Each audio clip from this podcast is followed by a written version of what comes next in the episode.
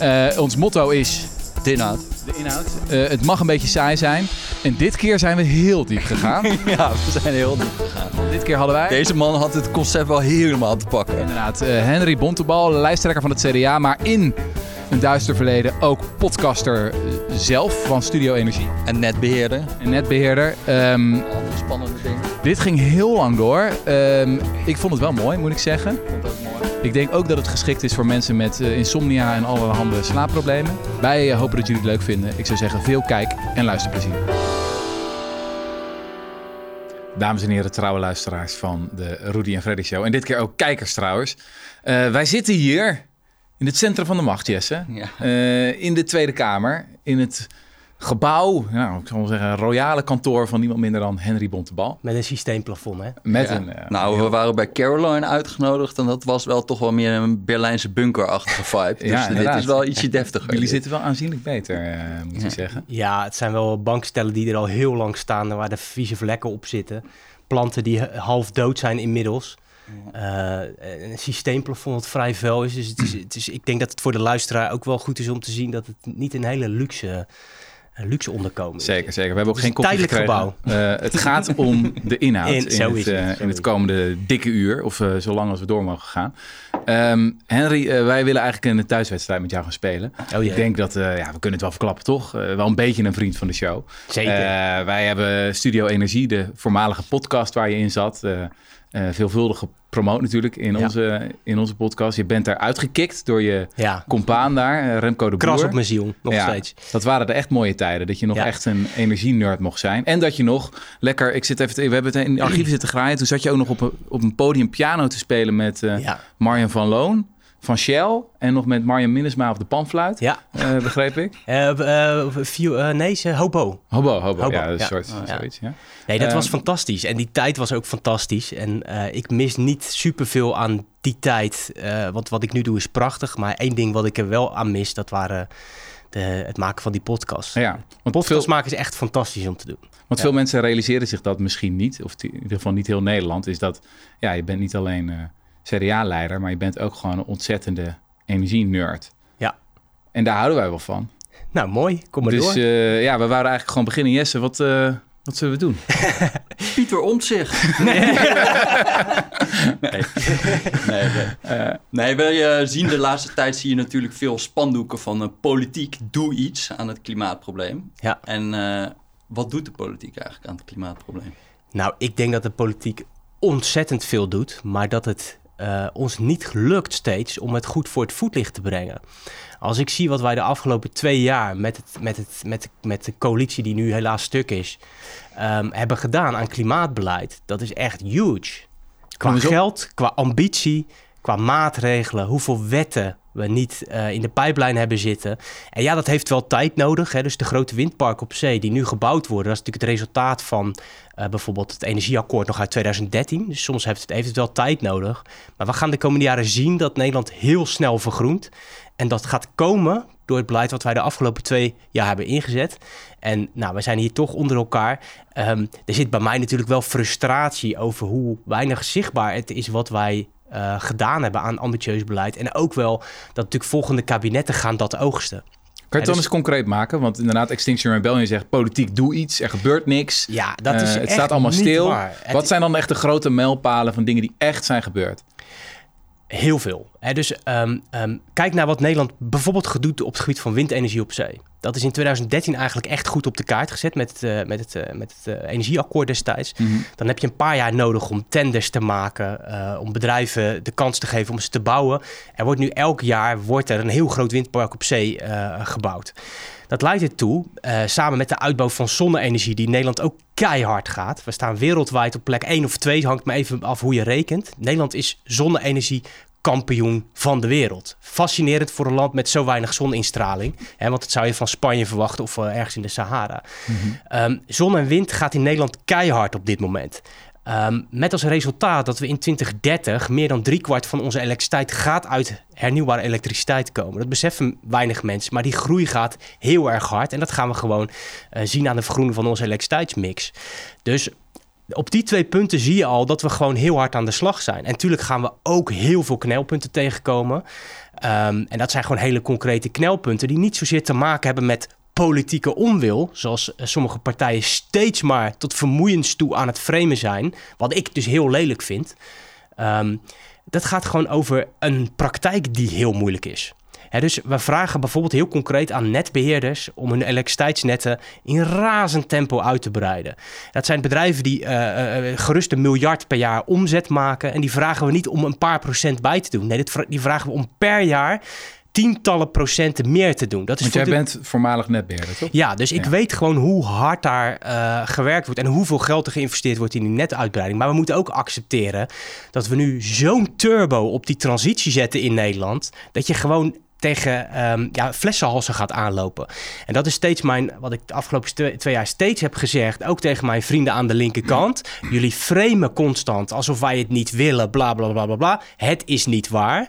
Waar het om gaat is dat we tegen grenzen van uitvoerbaarheid aanlopen. Het is een immens capaciteitsprobleem. Toch, ja, en, en dat is ook het, het, het, het vind ik, nou, dat, dat maakten we ook altijd zo zaggerijnig. Omdat zij constant framen. Jullie willen niet, het is politieke onwil. Die partijen, als ze straks in de coalitie zitten, gaan tegen exact dezelfde problemen aanlopen. Namelijk, hebben we genoeg monteurs om warmtepompen op te hangen? Hebben we genoeg bedrijven die kunnen isoleren? Um, kunnen we de elektriciteitsnetten snel genoeg uitbreiden? Daar zit het knelpunt, niet in ambitie en niet in geld. Het knelpunt zit in uitvoering. En dat weten ze stiekem allemaal, eigenlijk ook heel goed. Hm. Maar voor debat is het dan toch lekker om een andere partij te verwijten dat ze niet ambitieus genoeg zijn. Daar vind ik eerlijk gezegd ook de zwakte uh, uh, van het verhaal van links, is dat ze dus constant dan punt maken van meer ambitie. Terwijl ik denk dat andere partijen hebben laten zien, waaronder het CDA, hoe je met gewoon concrete maatregelen dingen kan versnellen. En ik wil aan die kant van de politiek zitten. Laten zien hoe dingen beter en sneller en anders kunnen. Het is heel makkelijk om te roepen, het doel moet omhoog. Dan krijg je een soort wedstrijdje verplassen. De ene zegt 55%, de ander zegt 60, de ander zegt 65% en de volgende zegt 70. En degene die dan het hoogste getal heeft genoemd is blijkbaar het coolste. Ik wil partijen afrekenen op wat hebben ze nou echt concreet aan goede ideeën aangeleverd om de wereld mooi en duurzaam te maken. Nou, dan ben ik eerlijk gezegd trots op wat wij als CDA de afgelopen twee jaar hebben gedaan. Ja.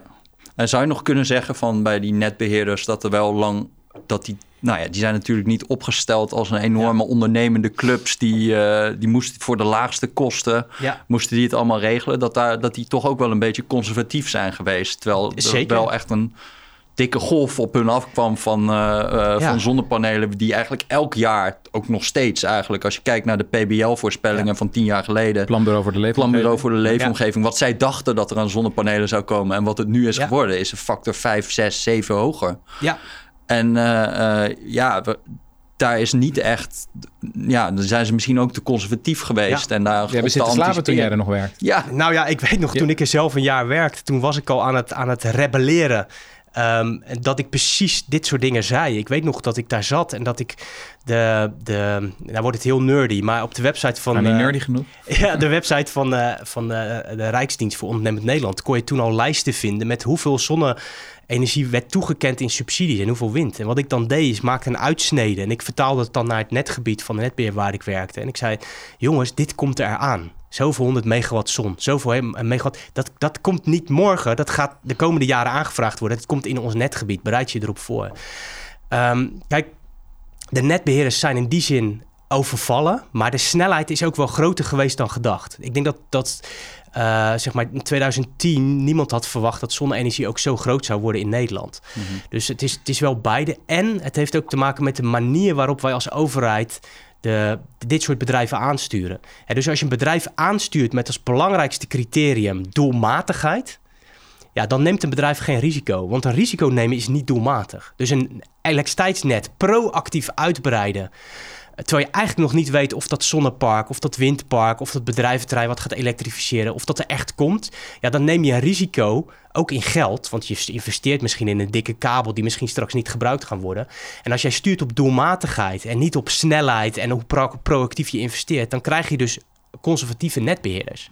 Dus het is ook wel uh, verklaarbaar waarom zij zich zo gedragen. En heb je het gevoel dat daar nu iets aan het kantelen is wel? Ja, tuurlijk. Maar nu, nu is het gewoon daar alle hens aan dek en ze kunnen het gewoon niet bijbenen. Ja. En de, ook de financieringsbehoeften die ze nu hebben, hè, ze vragen aan extra kapitaal, dat is natuurlijk omdat ze zoveel investeren. Ja. Dat geld hebben ze gewoon nodig om te investeren. En, uh, um, uh, je hebt natuurlijk altijd een combinatie van vreemd vermogen, eigen vermogen enzovoort. Dus een stuk wat de aandeelhouders inbrengen en wat je op de markt leent.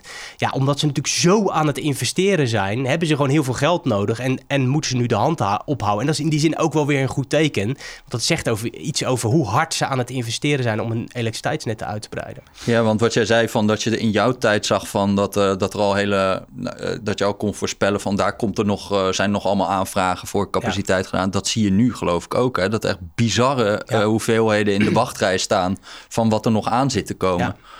Dus uh, ja, dat is op zich ook weer hoopgevend natuurlijk, dat er zoveel wordt aangevraagd. Ja, het is natuurlijk ook een beetje speculatief, omdat er nu op dit moment is zo'n netaansluiting heel moeilijk te krijgen. Dus iedereen doet al een aanvraag van als je hem toevallig krijgt, dan heb je in één keer uh, iets wat heel waardevol is, omdat je vooraan in de wachtrij Kijk, wat we, De beweging denk ik die we nu moeten maken is, er is dus schaarste aan capaciteit. En we moeten dat verdelen op basis van de meeste maatschappelijk toegevoegde waarde. Ja. Dus moet je ook de vraag stellen: is nog een zonnepark ergens in een weiland plaatsen? Is dat nou de meeste maatschappelijke waarde? Of is een bedrijventerrein elektrisch maken, is dat de meeste maatschappelijk toegevoegde waarde? En ik denk het laatste. Maar dat betekent dus wel dat je eerlijk moet zijn en moet, dus moet nee gaan verkopen aan projecten die in het oog van heel veel mensen ook, ook goed zijn voor de verduurzaming van Nederland. Maar denk het vanuit schaarste, zou je dat denk ik moeten gaan prioriteren op basis van meer maatschappelijke waarde. En ik denk ook en dat is waar de netbeheerders, vind ik, nog steeds te conservatief zijn. Um, we moeten veel meer slimmigheid gaan toepassen in, um, uh, in het elektriciteitsnet. En um, dat heeft met name ook te maken met manieren waarop je uh, contracteert. Er zijn bedrijventerreinen die willen graag verduurzamen. Verduurzamen betekent meestal meer elektriciteit gebruiken. Uh, maar dat, dat, je kunt de capaciteit echt wel lager krijgen als je het slim met elkaar afstemt. Dus een bedrijf wat even heel, heel gechargeerd vooral op vrijdag stroom gebruikt. Uh, of een bedrijf wat vooral op zaterdag stroom gebruikt, die kunnen prima bij elkaar um, uh, op een kabel op het moment dat ze de vraag en aanbod goed afstemmen. En nu doet de netbeheerder dat eigenlijk niet. Een beetje wel, maar niet, niet, niet op een slimme manier. En je zou eigenlijk willen dat we die stap ook nog zetten. Dat ook in de toekomstige energiewet, een slimme afstemming, dat dat beloond gaat worden. Want dan, dan zit er nog best wel veel ruimte in het elektriciteitsnet. Oké, nou we zijn tien minuten bezig en we hebben het al over de contractering van bedrijfsterreinen door netbeheerders. Ik denk dat we inmiddels wel de helft van de luisteraars verloren hebben. Gaan we nu naar ideologie? En nu de echte diehard mensen, die, die zijn er nog. Um, een van de speerpunten uh, in jullie klimaatbeleid is groene energiepolitiek. Ja. En misschien is dat goed ook om even uit te leggen voor luisteraars. In industriepolitiek is dat ja. je eigenlijk als overheid, als politiek echte targets opstelt. Dat je ja. niet alleen zegt, uh, bedrijfsleven doet maar wat het wil. Nee, we hebben echte plannen van wat het verdienmodel ja. van de toekomst wordt voor Nederland. En ook nou ja, wat voor industrieën hier zouden moeten zijn. Ja. Bekend voorbeeld daarvan is bijvoorbeeld ASML hebben we in Nederland. Dat is heel fors gesubsidieerd eind jaren 80. Nou, nu een van de meest winstgevende Klopt. bedrijven van Nederland. Van Europa zelfs. Um, je hebt ook minder uh, geweldige voorbeelden als wat is het ook weer de RSV scheepswerven RSV de Bakel ja, uit de jaren tachtig en hebben we dat is een hele mooie moet je op YouTube een keer zo'n documentaire van andere tijden. Uur. Nee, niet an, die van andere tijden. Ze hebben nog een veel mooiere op YouTube dat je echt uit die verhoren ziet. Ja. Nou, dan, dan lach je ook echt rot met gewoon echt van die am, uh, Amerikaanse cowboys die dat dan weer helemaal leeg hebben geroofd en zo. Nou, ja, en, wel... en, en de mensen uit de parlementaire, dus mensen, de Kamerleden, bezig staan mijn... gewoon te roken. Ja, zitten gewoon te roken. Marcel van Dam. Marcel van Dam, ja. En, en Van Dijk, dat was een CDA. Die, die, volgens mij leidde die, uh, was die de voorzitter van de club. Het is echt heel leuk om dat terug te kijken. Ja. Okay, het punt is dus, het is nogal belangrijk dat je ja. de juiste dingen kiest. Ja. Uh, en dat je dus heel veel, niet heel veel geld per definitie aan... goed natuurlijk. Nee, nee. Uh, ja, precies. Nee, kijk, het, het, het, het, punt van... En ik heb daar ook geprobeerd een ander verhaal neer te zetten dan andere partijen. Um, um, zeker sinds dat RSV-debakel is eigenlijk industriepolitiek sowieso een beetje nat dan. Omdat een overheid die te dicht op het bedrijfsleven zit, daar wordt al snel verweten. Hè, dus dat je, uh, dat je te veel je oren laat hangen naar de lobby van uh, grote bedrijven. En dat de overheid niet echt onafhankelijk is enzovoorts. Um, maar er zijn ook economen die zeggen dat je het mits onder bepaalde voorwaarden goed doet, dat, dan, kun je, dan kan industriepolitiek ook echt helpen om grote maatschappelijke opgaven te helpen tackelen. En klimaatverandering is denk ik een van die grote maatschappelijke opgaven. Um, moet je natuurlijk heel goed nadenken over onder welke voorwaarden doe je dan industriepolitiek? Want het verwijt is al heel snel. Je brengt grote bakken geld naar het bedrijfsleven. Wat vaak helemaal niet waar is. Want dat is ook weer zo'n prachtig frame wat, wat zelden klopt. Ehm, maar het gaat er wel om dat de overheid en het bedrijfsleven, wat ze dan noemen, op armlengte van elkaar zitten. Dus ze liggen niet bij elkaar in bed, maar ze werken wel nauw samen. En dat komt ook omdat het bedrijfsleven qua kennis vele malen vaker, of die loopt gewoon voor. Als je aan met een heel groot bedrijf praat, die hebben vaak veel beter door hoe zij hun bedrijfsvoering kunnen verduurzamen dan de ambtenaren bij uh, het ministerie van EZK. Mhm. Dus die kennis heb je gewoon nodig om die grote slagen uh, te maken. Maar het belangrijkste is denk ik vooral, ik zeg het, kijk, als wij als Nederland met onze 0,4 uit, uh, procent uitstoot, het is nog zelfs iets minder, als wij echt wereldwijd impact willen maken op klimaat, en je hebt echt die ambitie als welvarend land, ja, dan moet je dat niet op de linkse manier doen. Dan moet je dat doen, hoe kunnen wij de grootste bijdrage leveren? Dat moet je hoofdvraag zijn. Mhm. Ehm, ehm, en dat die bijdrage kan veel groter zijn dan die 0,4%. Wij kunnen veel meer dan 0,4% bijdragen aan de oplossing. En dat is door hier te laten zien hoe wij als welvarend land een aantal technologieën, een aantal bedrijfstakken uh, op een groen, groene manier doen. Dus wat Duitsland heeft gedaan voor zonnepanelen. Heeft natuurlijk heel veel geïnvesteerd in zonne-energie. Daardoor hebben wij nu al die goedkope zonne-energie. Eigenlijk zoek je naar het equivalent daarvan. Ja, waarbij in de industrie innovaties kunnen accelereren eigenlijk, waar vervolgens de hele wereld van profiteert. Ja. En dat het dus eigenlijk veel belangrijker is inderdaad dan die 0,4 procent. Ja, dus Duitsland heeft, heeft uh, um, misschien wel de allergrootste bijdrage ever geleverd aan klimaatbeleid door inderdaad uh, zonne-energie zo te subsidiëren daar. Mhm. Dat is, ik heb wel eens uitgerekend dat, dat ze daar.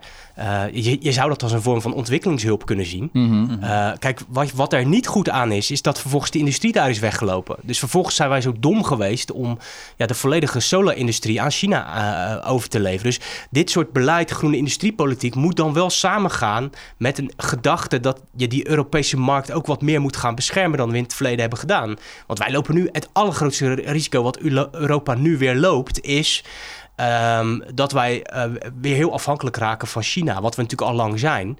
Dus we hebben nu um, vrij pijnlijk moeten constateren dat we ons te veel hebben uitgeleverd aan Rusland qua uh, levering van gas.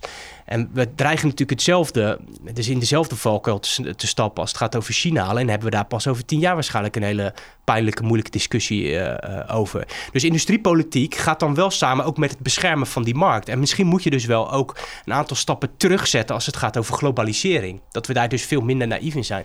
Maar de kerngedachte van groene industriepolitiek is dus dat je het met bedrijven mogelijk maakt om voorloper te worden. Uh, maar wel dat je de banen hier houdt en dat je dus niet de vervuiling verplaatst. Want dat vind ik vaak zo cynisch aan bepaalde, uh, wat, wat ze dan noemen groene politiek, is dat het helemaal niet bijdraagt aan minder uitstoot in de wereld. Het draagt bij aan het verdwijnen van banen hier. Um, en het verplaatst vaak alleen maar emissies. Terwijl, ik, weet je, de assets die we hier hebben, die zijn super waardevol, juist om de volgende stap te kunnen maken. Dus het feit dat je een raffinaderij hebt staan, of een kunstmestfabriek, of een staalproducent, geeft je niet alleen een achterstand omdat je zoveel uitstoot heeft, maar het kan je ook een voorsprong geven omdat je daar dat hele bedrijf al hebt staan en die vervolgens kan laten transformeren naar iets groens. Want daar heb ik wel een vraag bij, want ik heb bij, uh, ik vind het heel sympathiek ook dat je nadenkt over god, er is ook een internationale dimensie. Dat is echt heel belangrijk en dat mis ik ook vaak op links. Maar dan uh, is het, um, als ik in jouw stuk dan las over industriepolitiek, dan zeg je van ja, we hebben hier in Nederland hebben we heel veel energie-intensieve industrie zitten. Ja. Dus zoals staal, we hadden vroeger ook nog aluminium in uh, Groningen. Nou, dat is dan weg. We, hadden, we hebben uh, kunstmest, we hebben die raffinaderijen. Maar dat had natuurlijk ook een reden, namelijk dat wij heel goedkoop gas hadden. En dat was ook een van de grote redenen waarom al die industrie hier zat. En ik denk dan wel, als je dan gaat zeggen, we willen uh, met industriepolitiek eigenlijk al die energie-intensieve industrie hier houden ja, wat, wat maakt nou dat Nederland een hele aantrekkelijke locatie is om dat soort activiteiten te ontplooien? Want in een, in een nieuwe, in, als je echt hernieuwbare energie krijgt, heb je natuurlijk goedkope zon op plekken waar veel zon is. Je hebt in Noord-Noorwegen misschien hele goedkope uh, uh, waterkracht. Je hebt uh, geothermie in IJsland. Ja, ik zou verwachten eigenlijk dat een heleboel van die energie-intensieve activiteiten helemaal niet in Nederland worden gedaan. Ja. En dat we dan straks in een soort van doemscenario komen waarin, waarin we die, al die activiteiten activiteiten hier maar met enorm veel subsidie overeind gaan zitten houden. Terwijl dat uh, gewoon helemaal niet kan concurreren. Dit is het nieuwe RSV-debakel. Ja, ja, ja, precies. En, met, ja, en ik mag straks voor het hekje staan om het allemaal uit te Ja, ja precies. zonder sigaren. Um, nee, een paar dingen daarover. Um, ik zal nooit zeggen dat we alle industrie en alle bedrijven die er nu zijn, dat we die op deze manier moeten behouden. Dat wordt zo soms geframed, maar dat is niet wat ik zeg. Um, wat ik steeds gezegd heb is, je moet bepaalde cruciale industrieën hier wel willen houden. Waarbij hier bekijk ik dan altijd Europees. dus um, uh, ik kijk naar de staalmarkt en naar de markt voor kunstmest. Probeer ik wel altijd zo Europees mogelijk te kijken. Dus het kan inderdaad zijn dat bepaalde activiteiten meer naar Spanje gaan en dat wij bepaalde activiteiten van Spanje weer overnemen. Dus die, die vorm van autonomie, die bekijk ik heel erg op, op Europees niveau. Het klopt dat wij bepaalde voordelen hadden, uh, comparatieve voordelen, die we straks minder zullen hebben. Dus dat gaat over goedkoop aardgas, het gaat over goedkope stroom, omdat we aan zee zaten en makkelijk kolencentrales konden laten draaien. Um, maar dat zijn niet de enige factoren die uh, belangrijk zijn voor het vestigingsklimaat. Dus als je het hebt over energie, zou ik nog steeds zeggen dat de Noordzee is, gaat nog steeds een enorme powerhouse kunnen zijn. Als het gaat over uh, betaalbare, uh, duurzame elektriciteit. Met, want wij hebben wel in die zin een unieke positie met zo'n grote Noordzee waar heel veel windenergie op zee kan komen. Ik denk dat je met een, met een mix met zon, wind, kernenergie kun je nog steeds, denk ik, veel betaalbare elektriciteit uh, maken. Gas hebben we dan niet meer. Uh, je moet iets met waterstof, maar dat is natuurlijk de verhalen die over waterstof te ronde doen zijn meestal wel iets te optimistisch, vind ik. Alsof het in hele grote getalen heel goedkoop hier is. Nou, dat is nog maar even de vraag. Uh, maar Nederland heeft natuurlijk heel veel andere uh, comparatieve voordelen nog steeds wel. Dus simpelweg dat je die grote industrieclusters hebt waar heel veel kennis zit, dat is nog steeds gewoon een comparatief, uh, comparatief voordeel. Die ecosystemen zijn er, die hoef je niet op te bouwen, die zijn er gewoon. Um, het feit dat je aan, aan zee ligt. Dus ik, ik even uit mijn hoofd, ik pin me niet vast op het getal. Uh, volgens mij komt een derde van de energie die Duitsland gebruikt, komt via de Rotterdamse haven. Dus wij zijn nog steeds uh, die terechter, waar gewoon voor West-Europa alle energie en grondstoffen in, in, komt. Dat, dat, dat voordeel gaan we gewoon houden.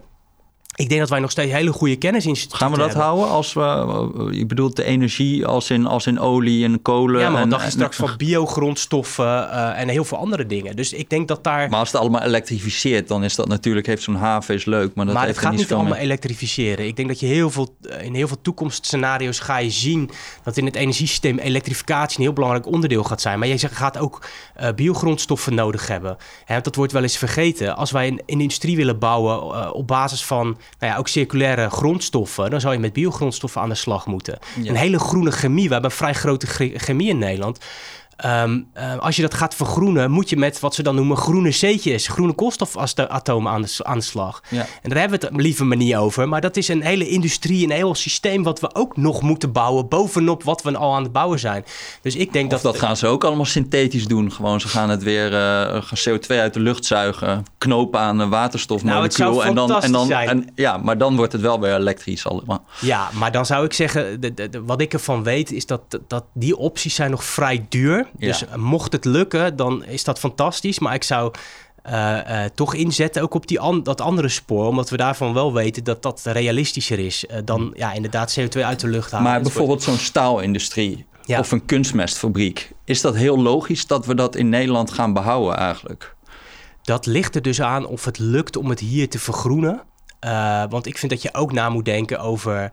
Um, um, dus hoe blijven regio's vitaal? Dus werkgelegenheid mag gewoon, vind ik, een argument blijven in of je bepaalde industrie wel of niet wil hebben.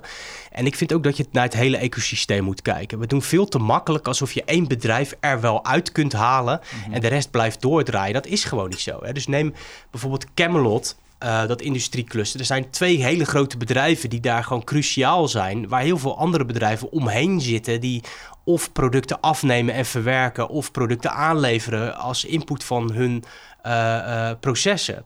Dus die, die, je kunt niet zomaar zeggen, nou die twee bedrijven zijn weg en dan draait het wel door daar. Nee, dan, dan maak je waarschijnlijk die hele industrieclusters kapot. Kijk, wat, wat een, een, een, um, kijk, wat ik jammer vind, en misschien heb ik dat zelf niet duidelijk genoeg de afgelopen jaren naar voren gebracht, maar groen industriebeleid gaat, wat mij betreft, over veel meer dan alleen die grote bedrijven omturnen. dus die maatwerkafspraken die we met die grote bedrijven maken, ja, die komen uit onze koker. Dus die heb ik ingebracht in het verkiezingsprogramma en uiteindelijk erin onderhandeld. Die vind ik heel belangrijk. Maar het is natuurlijk maar een stukje van het groene industriebeleid. Ik vind bijvoorbeeld een andere poot waar we, denk ik, te weinig nog mee doen in Nederland, is één. Hoe trekken we nou nieuwe groene bedrijven naar Nederland? Dus hoe bouwen we clusters waar echt bedrijven bijna op uitnodiging aan de nieuwe economie willen bouwen? Dat doen we nog te weinig, vind ik. En twee is ook onderzoek en innovatie. Dat moeten we volgens mij ook veel beter richten op de grote maatschappelijke uh, vragen. Dus welke vijf of tien doorbraaktechnologie hebben we straks nodig uh, in die groene economie die we aan het bouwen zijn? En ja, hoe gaan we daar met onderzoek en innovatie dan nu al op anticiperen? Er is een voorbeeldje elektrisch kraken. dus mhm. je wil straks met elektriciteit wil je brandstoffen kunnen kraken om daar nou, op dat op te werken naar andere uh, uh, brandstoffen. Nou, hoe gaan we dat doen? Nou, dat, dat, staat nu in maar de dat is toch op zich, we hebben een heleboel raffinaderijen. Dat is juist wel weer dat je behoorlijk aanschurkt tegen de, tegen de, de shells en zo die, ja, maar dat, hebben staan. Dat is interessant.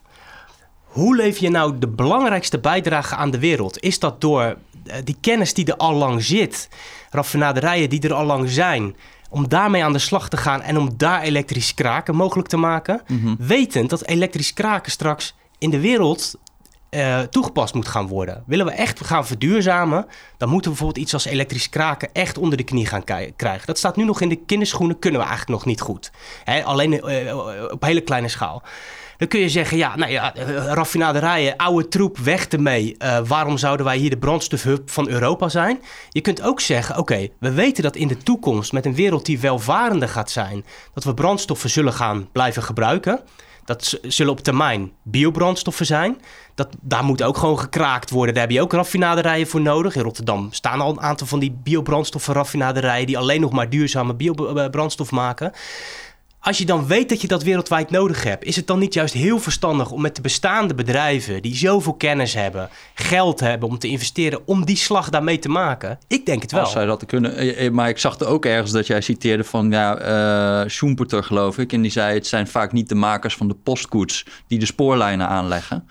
En ja, ik kreeg toch een beetje het gevoel van het werd, werd heel erg uitgegaan van wat we hier al hadden. En als ik gewoon kijk naar al die grote, of de ja, de echt succesvolle bedrijven die de energietransitie nu verder brengen. Ik bedoel, het is niet voor niks dat Tesla en BYD zijn die elektrische auto's maken en niet Volkswagen. Ja. En het is niet voor niks dat al die uh, zonnegiganten, ooit was Shell Solar. Shell Solar was in 2003 was de grootste fabrikant van zonnepanelen. Ja. ja, die is helemaal onderuit gegaan en het zijn nu alleen maar Chinese bedrijven die dat doen. Het zijn vaak niet ja, die grote bedrijven die, uh, die uiteindelijk uh, ja, met de echte innovatieve oplossingen komen. Dus het gevaar is dat je uiteindelijk dan toch een beetje zit te polderen met, de pot, pot, uh, met die postkoetsmakers.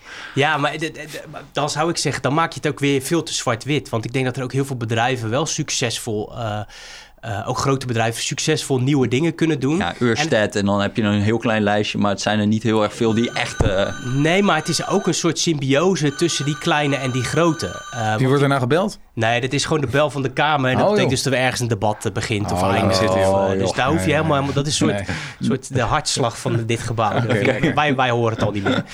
um, ik denk dat het vaak ook in een symbiose is tussen grote en kleine bedrijven. Die kleine spelers hebben vaak ook die grote bedrijven weer nodig om meters te maken, om afzetmarkten te creëren, uh, om ook echt door te bouwen op het moment dat ze op een kritisch punt zitten. Dus ik maak niet zo'n hard onderscheid tussen nieuwe innovatieve bedrijven en, en uh, oude bedrijven. Ik denk dat er een aantal oude bedrijven Ehm, eh, ehm, het, gewoon niet mee gaan maken. Die gaan hmm. gewoon te traag zijn en die vallen gewoon op een gegeven moment hmm. om. En dat is ook wat je nu ziet in Nederland. Dat, kijk, wij hebben um, met, met de groene industriepolitiek, met die maatwerkafspraken, maar ook met een vrij harde CO2-beprijzing, bedrijven op een T-splitsing gezet. En dat weten ze.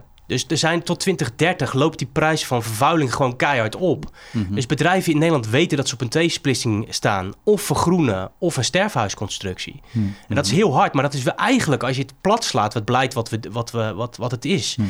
Ehm, ehm, dus ik, ik verwacht dat een aantal bedrijven het mee kan maken en een aantal bedrijven misschien ook niet. En mijn uitnodiging is gewoon aan iedereen: probeer het zo goed mogelijk mee te maken. Um, Alleen, ja, het, het beeld dat ik alleen oude bedrijven overrijd. Nee, ja, weet je, ik, ik hecht niet aan één bedrijf. Wat ik wil is dat we een groene economie bouwen. Dat er een industrie blijft in Nederland. Omdat ik dat, dat denk dat dat geopolitiek heel verstandig is.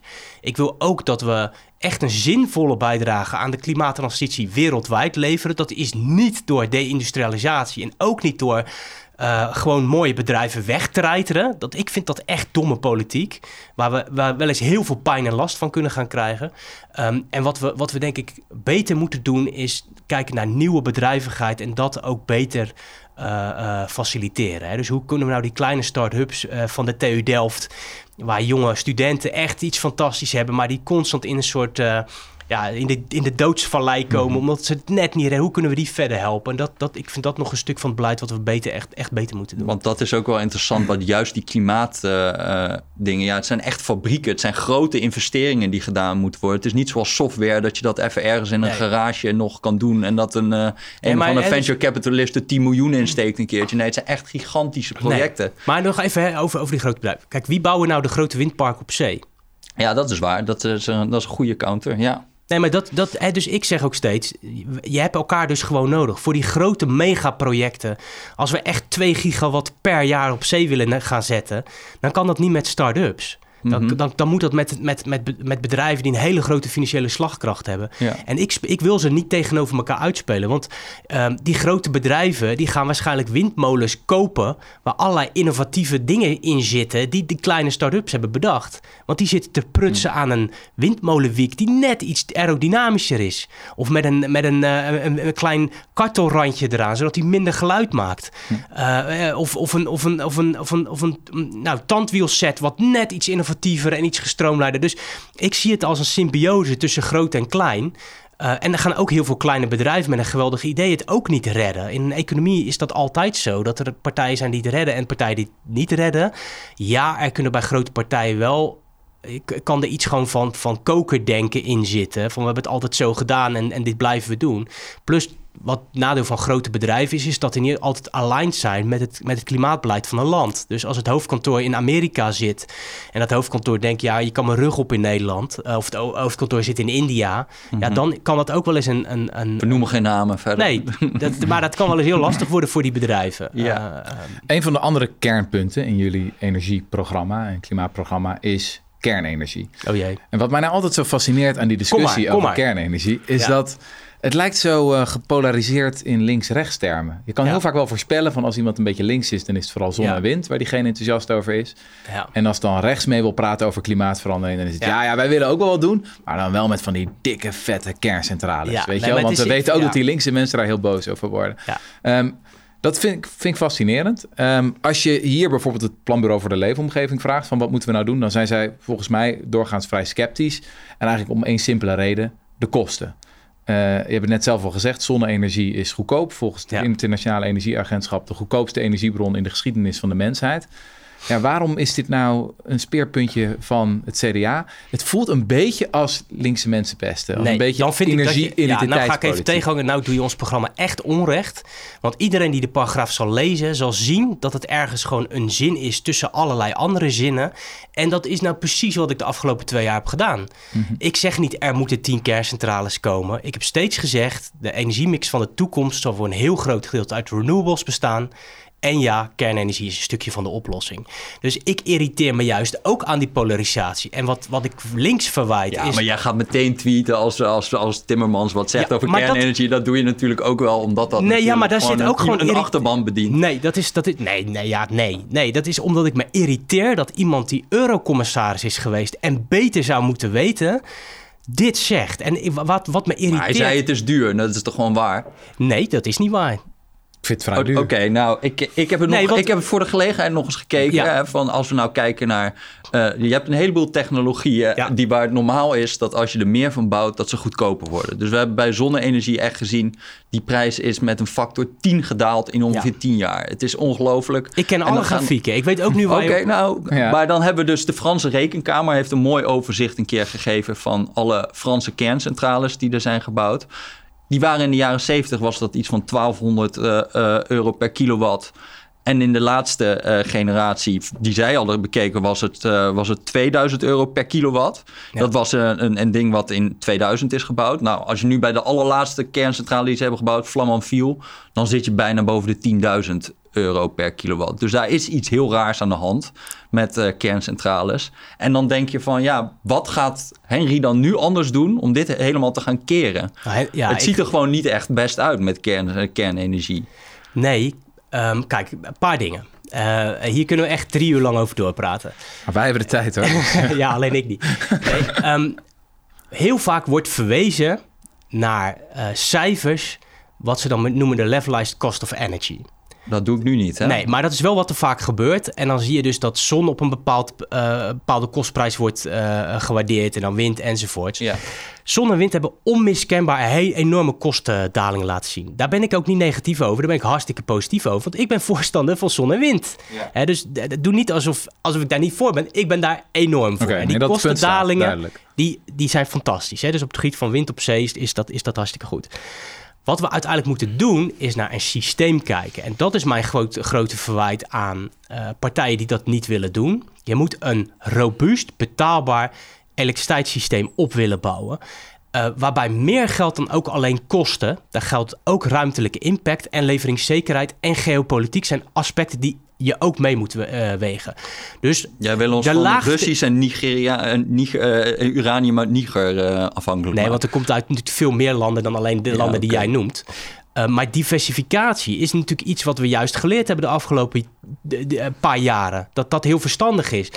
Um, Nederland is klein qua uh, ruimte. We hebben weinig ruimte. Kernenergie is gewoon een energiebron die uh, heel veel elektriciteit... Maar we hebben een hele grote Noordzee, hè? Zeker, maar die plannen zijn er ook om die uh, met bijna 70 gigawatt te vullen met wind op zee.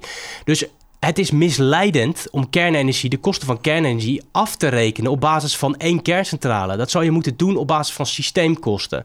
En ja, ik weet heel goed dat de afgelopen jaren heeft natuurlijk niet laten zien dat kernenergie uh, een goed track record heeft. Maar dan moet je, vind ik, ook eerlijk kijken naar waar komt dat door? Kijk, jullie zijn ook een beetje uh, toch tech-optimisten. Het is fascinerend dat als het over zon en wind gaat, dat men alle meest optimistische scenario's naar de toekomst, dat die men uh, omarmt. Maar als het over kernenergie gaat, dan pakken we de meest pessimistische. Nee, nee, nee. Maar dus ik neem gewoon het historische track record. Maar dat ik kijk naar learning curves en ik kijk gewoon de afgelopen elke keer als je er meer van bouwt, wordt het goedkoper. Zeker. Dat is al bij zonne-energie al 50 jaar zo. Dat is bij, bij kernenergie al 50 jaar niet zo. Nee, maar dan moet dus je dan moet je ook zeggen... Waarom? Waar, ja, nou dat... dat dus dat, er heel veel centrales zijn, zijn... Uh, de plannen zijn daarvoor ontwikkeld... nog voordat Fukushima gebeurde. Dus er zijn heel veel centrales in aanbouw geraakt, waar ze dus tijdens de, de, de reis veiligheidseisen hebben opgeschroefd. Er moest er weer een meter beton bij. Mhm. Tuurlijk zorgt dat voor hele grote kostenoverschrijdingen. Kijk naar wat China doet. China bouwt nu wel kerncentrales binnen budget en binnen vijf, zes jaar. Nou zeg ik niet dat we het op de Chinese manier moeten doen, maar de geschiedenis laat ook zien, want je haalt Franse kerncentrales aan, dat dat dus kon. Die, die Franse kerncentrales zijn in een periode van vijf, zes jaar op, op, op industrieschaal gebouwd. Wat we dus gedaan hebben, mede door de milieubeweging, we zijn gestopt met kernenergie en hebben die industrie in het slop laten lopen. En nu zeggen we, ja, die kerncentrales worden niet meer gebouwd. Het is, het is, maar het dat is, is allemaal geschied, geschiedschrijving en dan kan ik misschien met je eens zijn. Maar, we, we, moeten praten over wat we gaan doen naar 2030 toe. Dus dat de milieubeweging het allemaal daarna, heeft verneukt, oké, prima. Maar dat maakt nu niet echt zoveel meer nee, uit. maar dan moet je dus ook eerlijk kijken naar van... kunnen we redelijkerwijs verwachten dat als we weer een soort renaissance krijgen van kernenergie... dat die kostprijs ook weer de goede kant op gaat. En ik denk dat dat kan. En dan baseer ik me gewoon op wetenschappelijke rapporten... die dit soort uh, uh, prognoses maken, zoals MIT enzovoorts. Je hebt het over schaalvoordelen. Hè, dus die, daarom ben ik ook begonnen over die kleine modulaire uh, kernreactoren. Da dat is bijvoorbeeld iets wat daar zou moeten kunnen lukken. Maar dan zeg ik wel steeds bij, ja, maar dat betekent dus wel dat we als Europa bijvoorbeeld weer een soort gemeenschappelijke effort moeten gaan hebben om zo'n industrie op te bouwen. Dus ja, het is niet genoeg als Nederland in zijn eentje dat even doet en twee van die dingen bouwt. Het kan wel als we er weer een Europees offensief van maken en echt weer kernenergie op de kaart zetten met elkaar. Dan kunnen we wel degelijk ook die, die, die uh, kostprijsdalingen laten zien. En vergeet ook niet, kostprijs vind ik dus niet het enige wat telt. Want ik kijk naar het hele energiesysteem. Ik mhm. kijk ook naar ruimtelijk beslag. Ik kijk naar uh, uh, geopolitiek. En naar die dingen als diversificatie. Ik vind dat wij een gediversifieerde um, energiesysteem moeten bouwen om minder kwetsbaar te zijn. En ik, je zal mij nooit horen zeggen dat kernenergie alle problemen van de wereld oplost. Ik in, in, in mijn toekomst, ik denk dat wij heel massaal elektrificeren. En ergens in 2050 zal ongeveer een kwart uit kernenergie komen en de rest allemaal uit renewables. Mhm. Als wij massaal waterstof willen gaan produceren voor de industrie. Ehm, dan is bijvoorbeeld kernenergie ook een hele geschikte uh, bron. Je zet een elektrolyzer neer die wil zoveel mogelijk uren draaien. En kerncentrale wil ook zoveel mogelijk uren draaien. Dat is bijvoorbeeld al een hele goede uh, combinatie. Maar je hebt een bepaalde hoeveelheid geld te besteden. Dan is de vraag, is dit de beste besteding dan om uh, als, als je ja, het Maar dan moet je naar het totale energiesysteem kijken. Want je moet dan ook eerlijk de vraag willen stellen: hoe bouwen we een energiesysteem wat dan 100% uh, koolstofvrij is. Ja. En dat sommetje moet je leggen naast een energiesysteem wat koolstofvrij is, maar met kernenergie. Ja. En dan laten dus dat laatste studie van, van Witteveen en Bos enzovoort, die laten zien dat die kostprijs nou, daar heb ik ook Daar heb ik ook naar gekeken. Maar die gaan... een favoriete studietje, Witteveen en Bos. nee, maar er zijn er meer. Dit, is, dit is er één van. Er zijn natuurlijk internationaal veel meer studies gedaan. Ook ja, maar dat vind ik dan wel iets interessants. Die gaan dan gewoon uit van, een, van dat de kosten van een, van een kerncentrale 4100 euro per kilowatt gaan zijn. Terwijl de meest recente dingen zijn dus dik boven de 10.000. En dat, uh, en dat die small modular reactors, hè, dus waar er nog nooit een van is gebouwd overigens, dat die 2700 euro per kilowatt gaan zijn. Dan denk ik ja. Uh, ik vind, misschien is het zo, hè, maar ik denk dat niemand voor die kosten, als je zegt van nee, het risico ligt bij jullie, eh, de overheid gaat dit niet betalen, dat ze het voor die prijs durven dat risico te ik nemen. Ik durf te wedden dat er de komende jaren partijen zijn die dit gaan bouwen in Nederland. Sterker nog, ik, ik weet al dat er initiatieven zijn. Voor 4100 euro per kilowatt? Dat weet ik niet, maar die gaan, die, er zijn denk ik commerciële partijen die denk ik zonder subsidie al met SMR's aan de slag gaan. Ja. En die gaan gewoon gebouwd worden in 2030. Ja. Dus ik denk soms ook, ik, ik, heb natuurlijk best wel met een ik bedoel, als het, zo, als het zo is en zij betalen het, prima. Maar ik vraag me heel erg af als de, of de overheid, als je wil dat de overheid al die risico's van kerncentrales gaat overnemen. We weten daarvan ook, uh, er zijn ook veel studies geweest over kostenoverschrijdingen en zo. Nou, dat is, per de, dat is ongeveer zo slecht als de Olympische Spelen, zeg maar, bij kerncentrales. Dus eh, dat wordt twee keer zo duur vaak. Maar ik vind het, eh, wedervraag. Ja. Jullie zijn techno-optimisten. Het fascineert me waarom dan je dan zo negatief over kernenergie bent. Omdat het een heel slecht track record heeft. Ja, maar ik, vind het niet, ik vind het prima om, ik wil wel optimistisch zijn, maar we gaan het wel een beetje richten op waarvoor dat, het, dat het een, ook een reden is om daar optimistisch over te zijn. Kijk je dan bijvoorbeeld ook naar wat er in China gebeurt? Ja, ja. Ze wel. In China gaat het ongeveer, die, die zonne-energie die schiet door de lucht. Die ja, gaat in, een, in, een, in een pijl omhoog. Ja, en, maar nou, en kerncentrales gaan een stuk langzamer dan dat. Zelfs in een land waar het hele regelgevende regime en alle hippies zijn uitgeschakeld. Dus daar kan het ook niet aan liggen. En in Amerika bouwen ze bijvoorbeeld de Navy. Die heeft al jarenlang een programma voor kernreactoren voor vliegtuigschepen. Nou, dat is, daar zijn de hippies ook uitgeschakeld. Niet helemaal. Maar dat zijn, die zijn ook duur. Ik denk, weet je wat het weet je wat ik denk bij kerncentrales? Het zijn gewoon mega monstro-projecten. Het is een energiekathedraal die je aan het bouwen bent. Met duizenden onderdelen. Dat gaat niet eenvoudig worden. En het mooie van zonne-energie en ook offshore wind... Uh, is dat het modulair is. Het is heel simpel. Het, zit, uh, het is eerder een product dan een project. Het is gewoon een zonnepark neerleggen, is gewoon een heleboel zonnepanelen naast elkaar leggen. En dat, dat heeft ook niet die bizarre kostenoverschrijdingen. Het heeft ook niet die bizarre tijds. Uh, ja, ja dat, daar kun je dus over, daar kun je over discussiëren. Onze elektriciteitsnetten zitten nu vol, daar krijgen we bijna niet meer bijgebouwd. Dus, dus centrale een elektriciteitsproductie met een hele hoge capaciteitsfactor is best wel nuttig in een energiesysteem waar we weinig uh, capaciteit aan elektriciteitsnetten hebben. Dus dat is één. heeft dat een goede mix met, met flexibele energie? Al die baseload blazende kerncentrales? Ja, waarom niet? Als je er maar, als je, als je er maar niet een, een, een te grote capaciteit van maakt. Dus daar zit ergens een optimale mix. Dat je gewoon je basislast met kernenergie doet. Uh, um, en de rest met uh, variabele hernieuwbare energiebronnen. Dus je zult ook nooit kernenergie 50% van de elektriciteitsmix moeten maken want dan gaat het inderdaad mis. Maar dat is wat deze rapporten juist laten zien. En ook die studies van zo'n Jesse Jenkins, uh, die destijds bij het MIT zat, die laten zien dat je een bepaald percentage van de elektriciteitsmix is dan optimaal om die baseload uh, uh, in te vullen. Ga je daarboven zitten, krijg je weer een suboptimaal systeem. Je kunt het ook met andere bronnen doen overigens, maar dan moet je gewoon kolencentrales met CO2-opslag uitrusten. Dat willen we ook niet. Hè, dus, nou. dus ik vond ook in die studie bijvoorbeeld, dan gaan ze alleen maar de heel, een heel beperkt aantal opslagmogelijkheden noemen ze dan alleen maar. Hè? Dat je een lithium-ion eh, batterij of waterstof hebt als de twee verschillende opslagmogelijkheden. Ja, maar nou, daar zie je nu ook al waanzinnig veel innovatie die er al komt voor manieren om energie langer op te slaan en een stuk goedkoper dan, dan, dan dat te gaan doen met lithium-ion batterijen. Maar goed, je dus, zult, kijk, in die studies vind je altijd ergens een beperking. Hè? Alleen op ja, maar dit is een vrij fundamentele, moet ik zeggen. Ja, maar je ziet als je in 2040 niks ziet als niks ziet aan, uh, aan, aan, extra opslagmogelijkheden, dan, uh, behalve waterstof, nee, ja, dan wordt het heel duur. Je hebt het nu echt over de witte, de witte, ja, veen en bos. Kijk, er zijn natuurlijk meer studies gedaan dan alleen de witte veen en bos studies. België heeft een tijdje geleden de, de, de, de, de, de TSO, hoe zeg je dat? De, de, net op uh, of hun, ja, hun net, Tenet. De hun Tenet. Elia die heeft natuurlijk ook een studie gedaan, ook waar kernenergie in zit. Daar zie je ook dus dat ze best wel verwachten dat bijvoorbeeld die SMR's heel interessant kunnen worden. Ik ga voor koffie halen.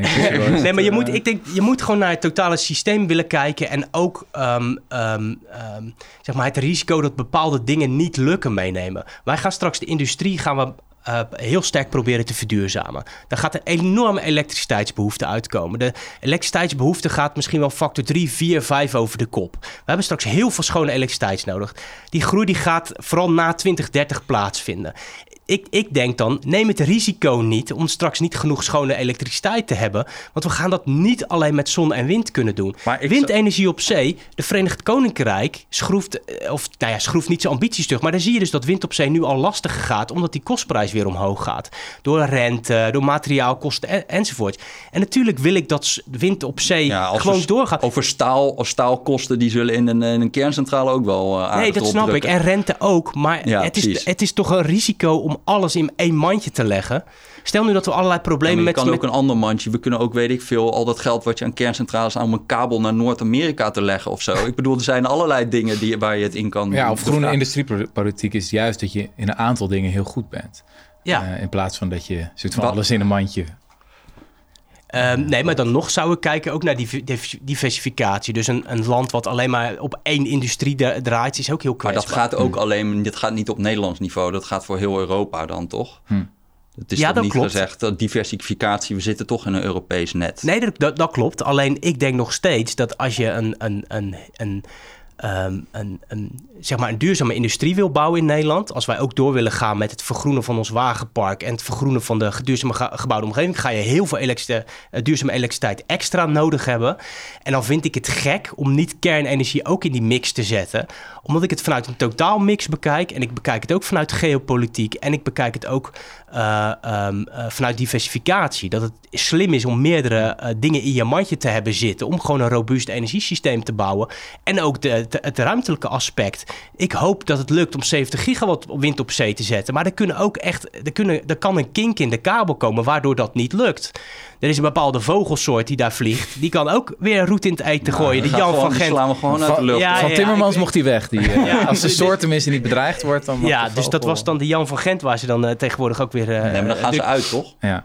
Ja, ja, precies. Maar goed, dan zou ik zeggen, als ze uitgaan, heb je toch nog ergens een goede uh, bron van elektriciteit nodig.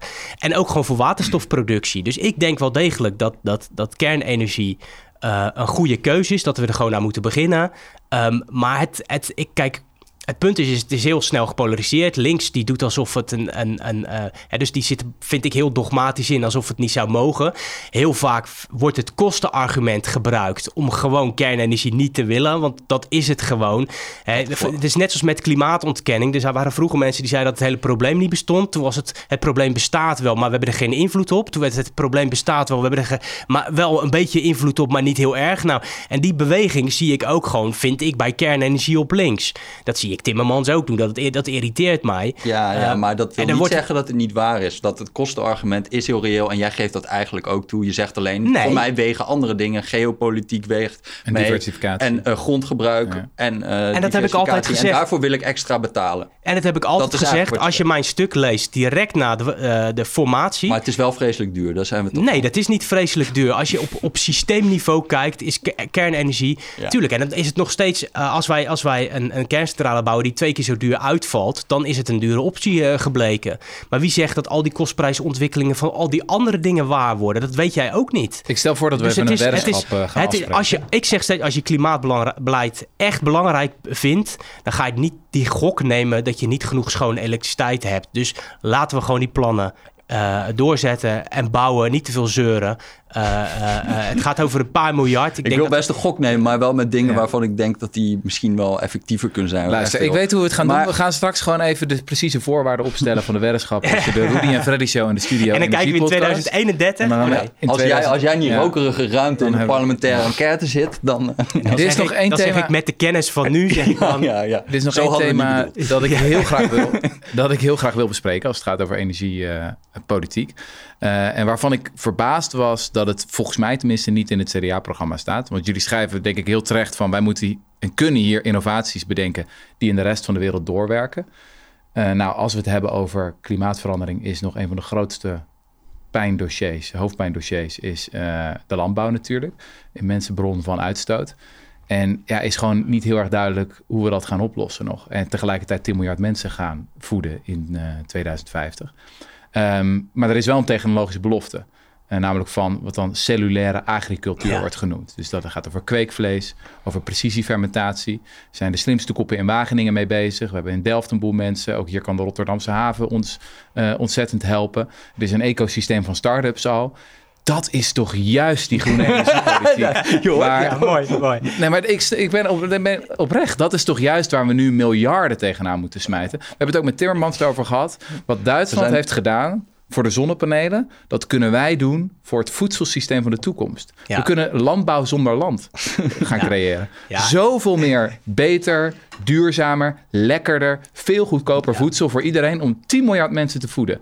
Waarom staat er niks over in het programma? Um, kijk, ik zit, ik zit zelf gewoon wat minder goed in dit, uh, in dit onderwerp. We hebben natuurlijk net over energie gehad. Dat is natuurlijk gewoon mijn, uh, mijn, uh, mijn oude vak. Dus daar praat ik ook wat makkelijker over. Kijk, landbouw zit ik gewoon niet zo heel goed qua nieuwe technologie in. Maar dit soort dingen, zoals kweekvlees enzovoort. Ja, ik zeg, laat, laten we het proberen. Er zijn in Delft start-ups die ermee bezig zijn. die, het, die het proberen. Uh, ja, hartstikke goed. Uh, we, we, hebben in, in Nederland een, een, een, agrarische sector waar ontzettend veel kan. We hebben topuniversiteiten uh, die ook allerlei nieuwe dingen proberen. Dus ik, ik vind dat, laten we dat proberen. Dit is echt, dit is echt jouw Maar het is wel, laten we dan ook eerlijk zijn, het staat natuurlijk ook nog wel degelijk al, allemaal in de kinders, kinderschoenen. Um, ik denk dat er wel een verschil zit ook tussen um, hè, dus hoe wij ons opstellen en weer andere partijen. Dat, dat wij niet zo bang zijn voor die technologische uh, uh, innovatie. CRISPR-Cas, dat soort dingen, mhm. genetische modificatie. Ik zie dat bepaalde partijen daar nog steeds heel erg uh, terughoudend zijn. Terwijl ik denk, ja, mits goed toegepast. En natuurlijk moeten er allerlei ethische commissies naar kijken. Maar ik denk dat dat wel ook een oplossing kan zijn voor uh, uh, nou, het grote vraagstuk van, van voedsel in de wereld. Inderdaad, 10 miljard monden moet je straks gaan zien te voeden. Ik denk dat wij veel in huis hebben om dat te kunnen doen. Ja, want we gebruiken nu al de helft van de het bruikbare land wereldwijd voor de landbouw. En drie kwart ervan trouwens voor vlees en zuivel. Maar ja, dat, dat is op, op een gegeven moment zit daar een grens aan natuurlijk. Ja. Dus dat is zo essentieel eigenlijk. Dus dit maar lijkt me helemaal jouw thema. Ja, ja, nou, ik, ik, zal, ik zal me er eh, sowieso nog eens een keer veel beter op inlezen. En, we gaan je wat boekentips Ja, kom maar door. Kom maar Hannah Ritchie, toch? Ja, Hannah Ritchie ja, precies daar, maar George Monbiot, Regenesis, heel goed. Regenesis ligt op de stapel. Ik heb hem gekocht, maar ik heb hem nog niet gelezen. Dus die moet ik... Uh, kijk, dan krijg je natuurlijk ook de hele discussie over land sparing. En, en uh, ga je nou uh, aan duurzame landbouw beginnen, biologische landbouw, of doe je het juist intensief? Hè? Dus ik denk dat er zijn natuurlijk hele scholen mm -hmm. die hele oorlogen uitvoeren voeren met elkaar. Hoe je dat precies precies... Uh, welke kant sta jij dan? Nou ja, ik denk toch uit dat je ook naar een soort mix moet uh, van die twee. Eerlijk gezegd. Echte. Uh, ja, sorry jongens, middenpartij. de oplossing ligt altijd in het midden. Um, um, omdat je, omdat aan, aan, beide kanten zit, zit, daar zit in, in, in beide filosofieën zit er ook wel een logica die, die, je, die, je, die je kunt volgen. Um, maar ook hier, ik denk even een stapje hoger. Dit is met welk frame kijk je naar de wereld en naar zo'n sector en wat die sector kan bijdragen aan het oplossen van uh, probleem. Als je alleen maar kijkt naar het moet hier minder, um, dan is dat een ander perspectief als dat je bedenkt er is een heel groot mondiaal vraagstuk. Ik had het net over klimaat, maar je kunt het ook over voedsel, over gezond voedsel hebben. Ehm, wat wordt dan de bijdrage van ons land op dat gebied? Dat is een heel ander perspectief, denk ik, dan ja, we moeten het hier minder doen en dan lossen we ons probleem op. Hè? Dus die meer positieve gedachten. Dat perspectief vind ik geweldig en dat zouden we veel meer moeten hebben in Den Haag. Nou ja, ik denk, ik zou het minder zitten op van het groene staal maken hier. Ik denk dat dat op een gegeven moment goedkoper elders kan. Dus daar is het enige meningsverschil, denk ik. Dus ik denk de ASML van de toekomst ik denk niet dat dat een kunstmestfabriek wordt. Ik denk dat dat een uh, Nee, maar ben je het wel met me eens dat bepaalde sectoren zoals staal, kunststoffen, raffinage in Europa wel degelijk een belangrijke plek hebben in de toekomst? Zeker. In dus- Noord-Noorwegen en in het zuiden waar heel goedkope zonne-energie is, maar niet in Nederland. Uh, ja, nou ja, goed, daar kunnen we dan nog een hele boom over opzetten. Uh, Hebben we net al ik. ja. Want met alleen zonne-energie red je het namelijk ook niet, uh, denk ik. Um, um, plus inderdaad ook die al andere comparatieve voordelen die je volgens mij ook moet meenemen. Maar um, volgens mij, kijk, dat, dat vind ik zo interessant aan, aan alle milieu- en klimaatdebatten, maar dat geldt ook over landbouw, is met welk perspectief kijk je inderdaad naar uh, die grote mondiale vraagstukken en de rol van Nederland daarin. Dat vind ik zo mooi aan zo'n Hannah Ritchie, die dan, hè, dus van Our World in Data is hij geloof ik, die, die, uh, die zegt van ja, je moet het perspectief omdraaien. Als je kijkt naar uh, de geschiedenis van de mensheid, dan kun je onmogelijk wat wij 200 jaar geleden doen echt heel duurzaam noemen. dus de armoede was groot, kindersterfte was groot. Zij draait het om. Ze zegt wij zijn niet de laatste generatie die daar wat aan kunnen doen. Wij zijn de eerste generatie die echt ook een duurzaam, duurzame toekomst met elkaar kunnen maken. En ik snap, soms is dat misschien wel erg optimistisch gedacht. Want ik zie ook de cijfers van het IPCC en ik zie ook de, de, de, de, de mondiale klimaatverandering uit de klauw lopen. Maar dat perspectief is denk ik wel belangrijk. En wat mijzelf ja, dat, dat is misschien iets te filosofisch, maar um, um, hij is zo'n Richard Niebuhr. Ja, je wilt het over ideologie hebben. Ja, ik, wilde, ik, moet, ik moest. Wij zeiden we willen geen ideologie. Ja, en ik wil het, wel. Dat was een harde voorwaarde om überhaupt in deze podcast ja, ja, te nou, zitten. Nou, doe even je ideologie ja, een blokje ideologie. Kijk, uh, Niebuhr, dat is een van de, de denkers waar ook Obama zich door liet inspireren. Die heeft denk ik een mooi concept neergezet ooit, wat hij dan de ironie van de geschiedenis noemt. En dat, hij betrekt het op uh, de rol van Amerika in de wereld. En dan mm -hmm. zegt hij, zijn met goede intenties uh, hebben wij een positie in de wereld opgebouwd, maar ook met hele schadelijke neveneffecten, waar je pas later van ziet dat het schadelijk is. En dat is denk ik ook hoe de mensheid uh, tot ontwikkeling komt vaak. Hè? Dus je, je begint aan de industriële revolutie met fossiele brandstoffen, niet omdat mensen de wereld wilden vervuilen. Mensen wilden schone of goedkope elektriciteit om welvaart te verhogen, zodat kinderen konden leren en enzovoorts. Um, en je ziet dus heel vaak dat er neveneffecten zijn in de geschiedenis die we later weer als probleem gaan ervaren. Bestrijdingsmiddelen waarvan we eerst dachten dat verhoogt de productiviteit van voedsel. Voedselproductie gaat, wordt er beter van en later ontdekken we hè, het is biodiversiteit, uh, uh, het verslechtert de bio, biodiversiteit. En hij plakt daar het concept de ironie van de geschiedenis op. Um, en dat helpt denk ik om te bedenken dat je dus niet vanuit schuld en boete naar vorige generaties alleen moet kijken. Zo van ze hebben onze wereld kapot gemaakt. Nee, dus vaak met de beste intenties is er iets gedaan en we ontmoeten nu de schaduweffecten daarvan. Het begrip verantwoordelijkheid moet dus wat ik zelf een heel belangrijk begrip vind, moet, moet dus altijd op de toekomst gericht zijn. dus de verantwoordelijkheid is niet in de eerste plaats van wie is er schuldig aan het klimaatprobleem. Het is niet zwaar met, met, de uh, mens. Ja, nou, dus, of, of, rijke landen die vooral die emissies hebben gedaan. Dat ze exact, want het zijn ook de landen die vaak de vaccins hebben bedacht, uh, uh, die nu in arme landen gebruikt kunnen worden om bepaalde ziektes uit te bannen. Ja. En die zonnecellen zijn ook bedacht in het rijke Duitsland. Um, Um, en dat concept ironie van de geschiedenis helpt mij om het klimaatprobleem uit die discussie van schuld en boete te halen. Want ik zie heel vaak ook bij, de, bij bepaalde delen van de milieubeweging dat er heel snel met Zwarte Piet, van wij als de mensheid, en dat, we, we zijn alleen maar slecht en we moeten eigenlijk weer 100 jaar terug.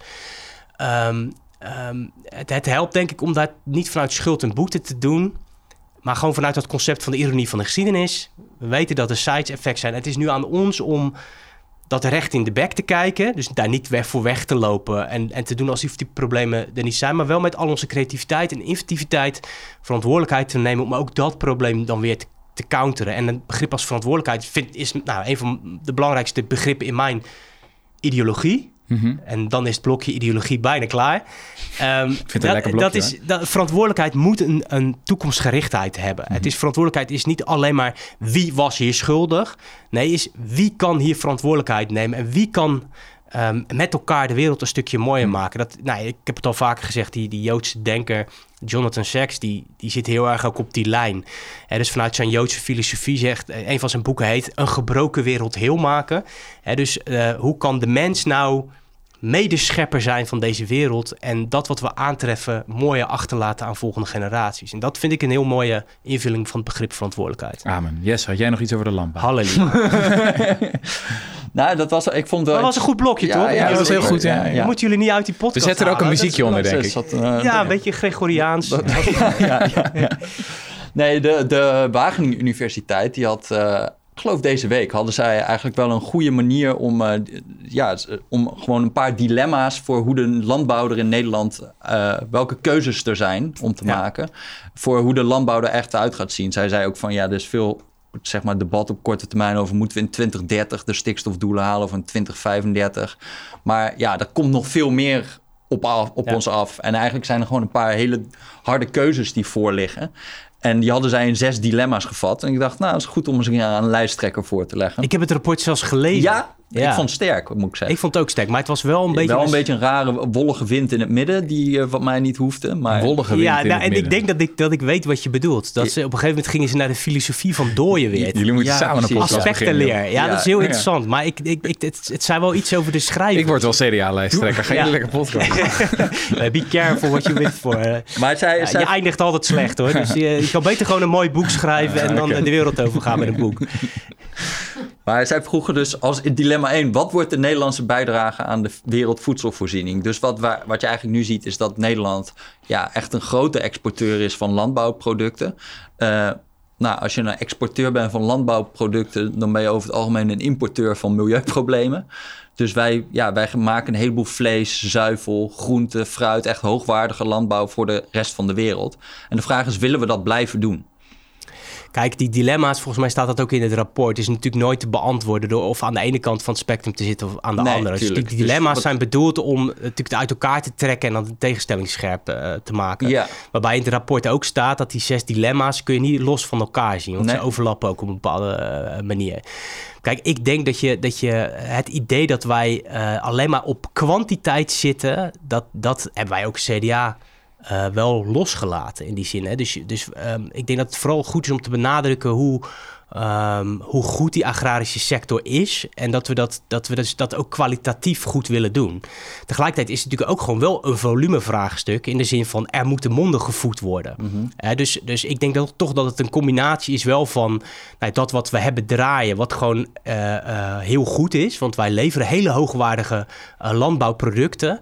Um, maar het kan niet alleen zijn dat kwanti kwantiteit, dat dat je belangrijkste uh, uh, onderscheidende kenmerk is. Hè? Dus het feit dat we zulke um, goede kennisinstituten hebben op dat, dat gebied. En dat wij ook heel veel kennis exporteren. Dat zou ik ook zeggen, dat past heel erg in dat perspectief van wat voor bijdrage lever jij nou aan de wereld? Ja, dat is enerzijds gewoon monden voeden, maar dat is dan anderzijds ook gewoon technologie de wereld over, uh, uh, over, overdragen, zodat er ook in de wereld nog meer monden op een goede, duurzame manier gevoed kunnen worden. Ja.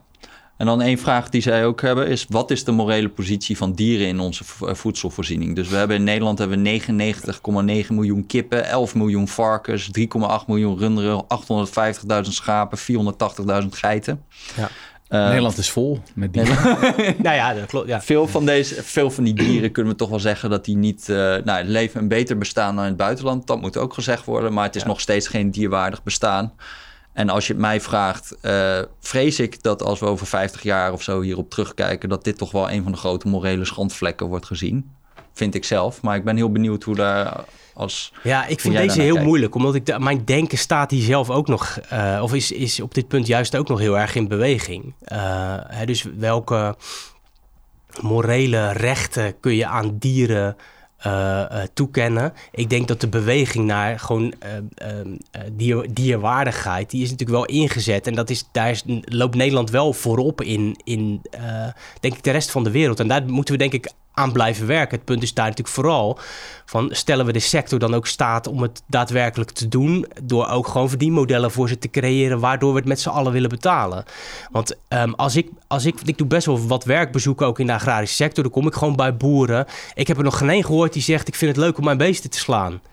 Mhm. Ze houden allemaal van hun dieren. En ze houden ook allemaal van het werk wat ze doen. Alleen ze zeggen wel van ja, maakt het ons dan ook mogelijk om uh, dat op een dierwaardige uh, manier te doen. En daar zitten vaak die boeren zelf ook in vast.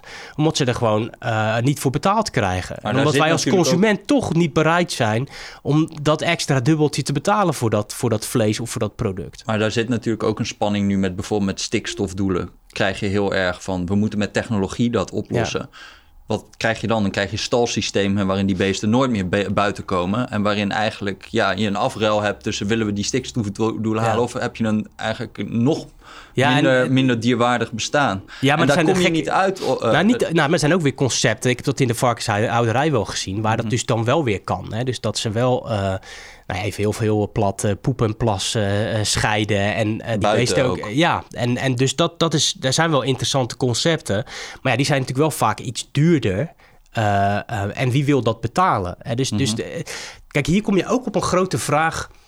Um, vind je dus dat de overheid dit allemaal nu moet gaan regelen? Of is hier ook een soort maatschappelijke discussie voor nodig? Als, kijk, je, je had vroeger werd natuurlijk de term sociale kwestie gebruikt. Mhm. dus het arbeidersvraagstuk was natuurlijk een enorme sociale kwestie. Dat ging over de rechten van, van kinderen. Kun je kinderen 12 uur per dag laten werken uh, zonder sociale zekerheid?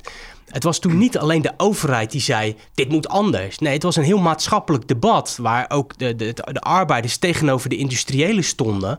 Um, en ik denk dat op dit soort punten moet je het ook niet te snel verengen tot wat moet de overheid doen. Dit is ook een soort maatschappelijk debat met Zeker, elkaar. Maar dan wil ik wel horen wat Henry van dat Duits positie is in nou ja, kijk, ik, ik, dan ben ik, ik heb ze, de, zeg maar de ideoloog en, en de pragmaticus in mij.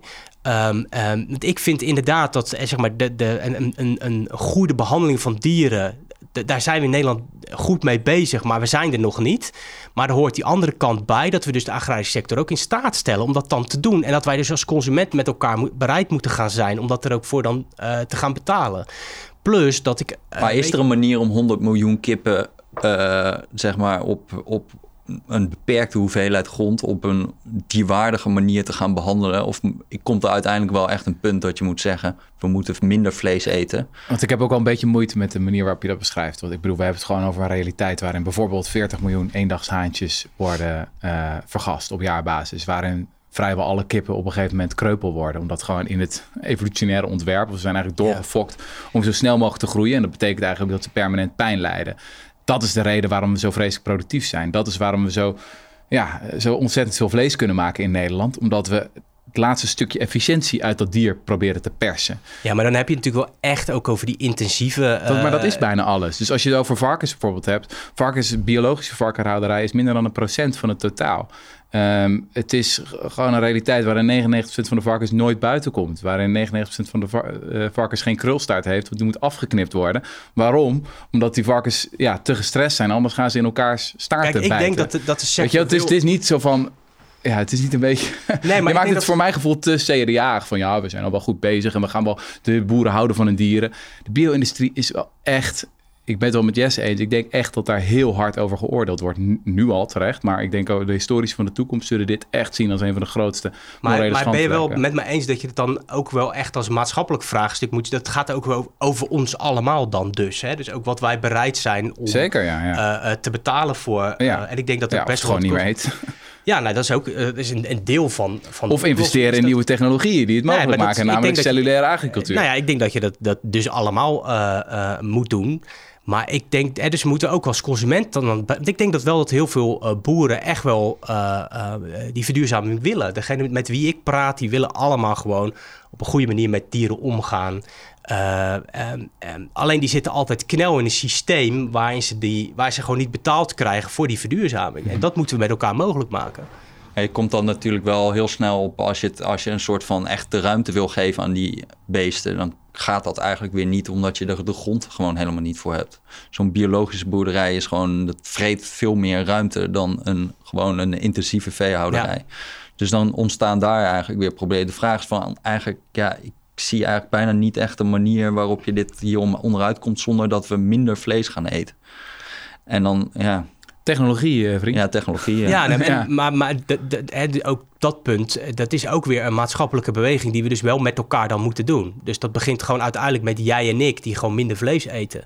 En voor het vlees wat we eten bereid zijn daar dus dan meer voor te betalen. Zodat de, de, de, de, de boeren die er nog wel mee bezig zijn ook gewoon dat op een nette manier kunnen doen. Hm, zeker, maar het begon ook, het is wel heel vaak ook, wel... ook met iemand, een, een, gek die nog een zonnepaneel voor een ton kocht, ja. kocht. En toen op een gegeven moment zei de overheid ook, oké, nou we zien deze ontwikkeling dat het wel wat goedkoop wordt. Wij gaan er nu ook eens eventjes een flinke, flinke slag op maken. Maar en we gaan proberen om dit ook, ja, de ja, alternatief ook beter te Die stappen worden toch ook gezet, ook in de agrarische sector. Het feit dat we nu zo'n debat over de verduurzaming en de toekomstbestendigheid van die sector hebben, die gaat daar toch ook over. Nou, ik vind wel zo, een beetje mm, de verhouding van 25 miljard, of ik weet niet precies meer hoe het is, voor zo'n stikstofding en voor uh, eh, 60 miljoen voor alternatieven voor vlees. denk ik, nou, ik zou dat toch ietsje, zeg maar, iets meer gaan schuiven in uh, hoe Ik dat, denk eigenlijk dat, dat een groot deel van de Nederlandse landbouw en vooral de de vleesteelt de, het equivalent is van die RSV-scheepswerven. Dus uh, ja, uh, we hadden Caroline van der Plas in de podcast, die een tijdje geleden in de Kamer. Maar het is wel die enorm te klagen over de 65 miljoen die werd geïnvesteerd in de cellulaire agricultuur. Ja, dat is logisch natuurlijk, want die wil dat niet. Uh, ja, die wil gewoon dat oude praktijk in stand niet zo negatief. Nou, uiteindelijk in de podcast draaien ze een beetje bij. Nee, maar ik, voor de camera's was ze anders. Ja, ik, ik, um, dus ik zit meer juist op het spoor dat we aan die voorkant van het alternatieven mogelijk maken. Daar kunnen we veel meer doen dus ehm, eh, als de dat is hetzelfde als met de elektrische auto. Als de alternatieven goed zijn, dan gaan consumenten dat alternatief willen gebruiken. Dus, dus als je hè, zegt van er moet aan de voorkant meer in nieuwe technologie geïnvesteerd worden, dan zeg ik fair point dat ze, daar zouden we meer aandacht voor moeten hebben. Oké. Ja. Dus die afspraak staat. Nou, we, wij zijn de Timmermans ook al. Ja, we zijn gewoon eigenlijk alle lijsttrekkers. Ja, wij zijn een coalitietje aan het smeden hiervoor. ja. Dus de Rudy en Freddy coalitie is dat? Nee, maar ook dus gewoon. De derde, dus ook op het gebied van technologie. Hè? Dus, dus, dus die discussies over CRISPR-Cas en over. Weet je, daar, daar, ja, daar zit ik dan toch iets pragmatischer in. Omdat ik denk, als we daarmee wel gewoon. Natuurlijk moet het allemaal ethisch en, en, en we moeten dat gecontroleerd doen enzovoorts. Maar die, die, die denkbeelden van die technologie als soort, soort, soort nou ja, Frankenstein. Dat, dat, dat allemaal misgaat enzovoort. Ja, mhm. zo denk ik er niet maar dat is ook een heel groot probleem voor die vleesvervangers in Europa. Ze gaan allemaal... Ze beginnen op, in Singapore op de markt, omdat hun toezichthouder gewoon... In, in, in Europa is het bijvoorbeeld je hebt de Impossible Burger. Dat is een soort van uh, burger waarin ze een soort van bloedig, ja. uh, eigenlijk genetisch gemodificeerd uh, eiwit hebben weten te maken. Waardoor je echt een soort van bloedsmaak hebt. Kan in Europa, is niet op de markt. Omdat de GMO-wetgeving is. Ja, ook weer de milieubeweging. En, ja, en dan, dan denk ik wel van ja, dat is, lijkt me ook... ja, en heel veel van die mensen klagen over dat het jaren duurt voordat je een product op de markt krijgt. Dat is ook weer mooi. Hebben we allemaal ambities, stellen we wel. Maar de voorwaarden om dan een product op de markt te brengen, die zijn er dan weer maar niet. Die, die vind ik dus wel ingewikkeld dat we daar dus zo traag op zijn. Ja. dus dat, dat we zo voorzichtig zijn dat we hele mooie nieuwe technologische doorbraken gewoon niet snel genoeg uh, de markt op, op willen krijgen. En dat dus andere landen dus daar wel weer in voorop lopen. Dat is een beetje de tragiek ook van Europa mm. aan het worden op het gebied van technologie. Dat we dat, want dat doen we hier, maar op heel veel andere terreinen gebeurt dat ook. Hè. Dus bij ons moet het altijd eerst vijf of tien jaar door allerlei commissies heen. Mm -hmm. ook vanuit het soort idee dat we geen enkel risico meer willen lopen. Terwijl ik mhm. denk, ja, dat voorzorgsbeginsel, hè, wat we dan zo strak hanteren, waardoor we alles honderd keer dubbelchecken, ja, dat, dat zorgt ook wel een beetje voor dat nieuwe technologieën niet snel van de wal genoeg uh, komen. Ja, ja. Uh, ik ga gewoon door, hè? Ja, ga gewoon lekker door, jongen. Uh, ik, uh, ik zag ook uh, in jullie klimaatvisie, dat is wel een, een document van een tijdje terug alweer, maar daar zie, zag ik het woord waterstofeconomie staan. En dan gaan bij mij eigenlijk wel alle alarmbellen af, moet ik zeggen. dat ik Nog een scheepsweg. Ik zie een soort, ik zie een soort unholy alliance ontstaan van eigenlijk ja, de, de shells en de gasunies van deze wereld met NGO's die heel erg waterstof aan het pushen zijn als een soort van oplossing voor alles. Even voor de luisteraars, wat is waterstof nou? Waterstof kan je maken met elektriciteit ook. Dat is het lichtste molecuul. En daar kan je eigenlijk bijna alles mee. Dat is het mooie. Dus daarom wordt ook altijd gedacht dat dat uh, de, uh, heel veel gaat doen voor de, de duizend dingen doekje van de energietransitie. Ja, ja, ja. een Zwitser zakmes. Ja, alleen mega inefficiënt.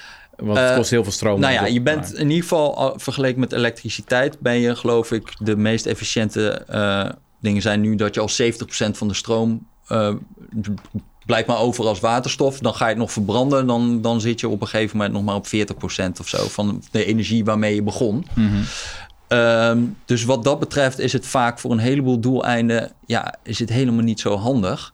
Maar ik zie toch gewoon dat daar wel, ja, dat er dan heel veel animo voor is om dat daar allemaal subsidies in te gaan steken. En ik vraag me dan af, ja, gaan we daar niet ook straks met een soort van, inderdaad, met zo'n scheepswerf overblijven met allemaal.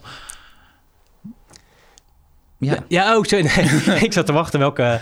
Nee, nee ja, ehm, ehm, ehm, er zijn best wel veel misvattingen over waterstof. Omdat men inderdaad soms lijkt te denken dat dat dezelfde rol gaat invullen in ons energiesysteem als aardgas. Mm en dat, in die kwantiteit gaat dat niet gebeuren. Um, dus de grootste toepassing van waterstof ga je mij zien gewoon in de industrie krijgen. Waterstof is een heel hoogwaardig goedje, wat je dus eigenlijk best wel zuinig moet gebruiken. dus waterstof in de fik steken om je huis te verwarmen met 20 graden is niet de meest hoogwaardige toepassing. Ik zag dat ze in gemeente Groningen willen ze in 2035 CO2-neutraal zijn door onder andere de inzet van groene waterstof en bijmengen in het... Uh... Ik zou ermee uitkijken, eerlijk gezegd. Uitkijken? nou, in de zin van, is dat nou... De waanzin. Ja, nou ja, maar goed, het ligt er dus ook aan wat je dus um, inschat wat uh, de mondiale beschikbaarheid van goedkope waterstof zal zijn. Ik ben daar niet zo optimistisch in als anderen. Uh, soms lijken te zijn. Uh, ik denk dat waterstof gaat gewoon ook schaars zijn de komende uh, decennia. En dan moet je dus heel zorgvuldig inzetten in de sectoren waar dat het het meeste waarde toevoegt. En dat zal allereerst toch echt in de industrie zijn op twee punten. Enerzijds natuurlijk gewoon als grondstof om, een, om, om uh, nou ja, de, de, de, de waterstofatomen en verbinden met zeetjes enzovoort. Ja. Um, dus kunstmest dus, heeft gewoon waterstofatomen nodig exact. voordat je de ammoniak van kan maken. Dus je hebt, je hebt gewoon waterstof nodig in de chemie. Dus een bouw, ja, bouwsteen. Een bouwsteen, ja. Um, en soms heb je het nodig om een verbranding te doen om hoog, uh, hoge temperaturen te realiseren die je met elektriciteit niet kunt. Maar, Dat bij het maken van staal, toch? Nee, ja, dan is het, ja, dan is het ook een bouwstof, maar... Okay. Um, um, Cement uh, en zo zeg Precies. Cement, oké. En dat ga, ja, je hebt allemaal temperaturen tot zoveel. Elektriciteit kan tot een bepaalde temperatuur enzovoorts. Maar hmm. uh, dus de route van de verduurzaming van de industrie gaat heel erg via elektrificatie lopen. En ook wel waterstof. Um, Um, en ik denk dus dat je waterstof op die manier moet gaan toepassen. En waterstof in de gebouwde omgeving ik denk dat je daar. Hè, dus ik vind het goed als, je, als we kijken wel naar technologieën om, om, eh, om het klaar te hebben. Maar ik denk dat dat niet de komende jaren de meest zinvolle manier is van schaarse waterstof inzetten. Naast dat het gewoon nog heel veel duurder is dan aardgas. Ja, en een uh, warmtepomp, joh, dan, dan lever je voor 1 megawattuur krijg je drie, uh, drie aan warmte terug of zo. Ja, ja maar, even, nee, maar, maar, die maken zoveel herrie. Ja, nou, dat valt er ook tegenwoordig ook bij. Nee, maar um, stel een situatie dat je dus uh, ergens in een binnenstad uh, en je kunt een woning niet goed renoveren of echt allerlei, allerlei monumenten eisen enzovoorts. Uh, en je hangt een hybride warmtepomp op en het kleine staartje wat je nog aan gas gebruikt, doe je met waterstof. Dan kan het op systeemniveau nog denkbaar zijn dat je dat, als je helemaal naar nul wil, dat je dat een keer gaat doen. Ja. Zelfs met groen gas. Um, nou, als ik even te denken waar die waterstof dan vandaan haalt. Want dan zul je toch ook allemaal pijpleidingen. Ja, dus dan moet je via het bestaande. Leggen. Nee, gewoon bestaande waterstof uh, of bestaande aardgas. Krijg je dan niet zware corrosie van? Nou ja, wat, wat de, de studies die ik ken, is dat het kan. Je moet een paar kleine aanpassingen doen aan het, aan het aardgasnet. Maar je kunt okay. het aardgasnet redelijk goed gewoon opnieuw inzetten voor en zeg maar, transport van energie via een gasnet is wel goedkoop transport. Uh, omdat ja, ik las dat hydrogen pipelines uh, ongeveer drie keer duurder zijn dan, eh, dan uh, elektriciteitslijnen. Dat lijkt mij niet te kloppen. Nee? Nee, okay. elektriciteitstransport is zeg maar per uh, energie-eenheid veel duurder dan dat je dat via een gaspijp doet. Mm. En wat denk je maar dan? Goed, dan moet je even kijken of, dat, of hier dan de prijs van het waterstof en de energiedrager is meegenomen, ja, ja of nee. Want dan kan het wel verschil maken. Ja, ja, ja. En, en, en, en wat denk je dan van zo'n kabinet? Die hadden nu 125 miljoen uitgetrokken om, uh, om, om een soort van tankerstations voor vrachtwagens ja, en bestelauto's te gaan doen met waterstof. Ik bedoel, in Denemarken zijn ze alweer aan het sluiten. En dan gaan ja. wij hier weer gewoon een, uh, ja, mijn collega, bouwen. Collega Dirk die is in het debat ook, ook daar kritisch op geweest. Kijk, er is nog één open vraag met, uh, als het echt over transport, is, uh, transport gaat, is lange afstand transport. Ga je dat uh, alleen met elektriciteit aankunnen, ja of nee? En die vraag is volgens mij nog niet helemaal beslist. Het is ook een beetje kip-ei verhaal. Van ja, uh, komen de waterstofvrachtwagens ja of nee? Dat, zijn er dan tankstations ja of nee? Kijk, ik denk dat we met elektrificatie een heel eind kunnen komen.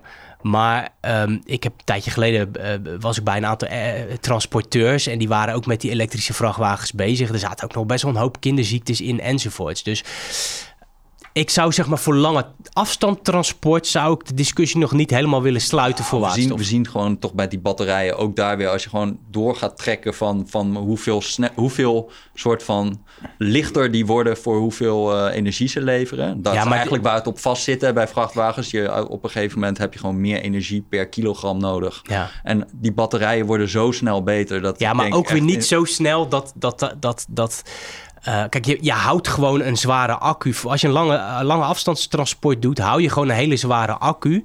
Eh, want ook al zou die een kwart minder zwaar zijn, er nog steeds natuurlijk wel een zware accu die je, je gaat verplaatsen om, een, om, om iets anders te verplaatsen. Dus, ja, precies. En, en dit zal ook gaan over gewoon ja, hoeveel tijd heb je dan nodig om op te laden enzovoorts. Dus als die vrachtwagen natuurlijk de helft van de tijd stilstaat, dan dat zal men ook niet willen. Ja, dus maar er zijn met een andere waterstofvrachtwagen ben je dus drie keer zoveel energie aan het gebruiken al. Dus je bent eerst stroom aan het omzetten in Zeker, waterstof. Ja. En dan heb je dus drie keer meer stroom nodig eigenlijk om een waterstofvrachtwagen voor ja, te sturen. Dus energetisch, ja, dus puur energetisch bekeken is het, is het waanzin. Economisch ook waarschijnlijk. Ja, dat, dat is dus maar de vraag. Dat is maar net hoe je die vrachtwagen wil inzetten. En of het op een gegeven moment praktisch mogelijk is om zulke lange afstanden naar Spanje. Nou, jij, jij wil ook geen weddenschap met mij afsluiten over of er waterstofvrachtwagens over tien jaar. Uh, of er meer elektrische dan waterstofvrachtwagens op duizend kilometer uh, komen. Uh, dan dat weet ik bijna 100% Dan, dan gok ik op elektrisch. Ja. Maar de vraag is ook hier wel van wil je dan in de rest helemaal niks investeren?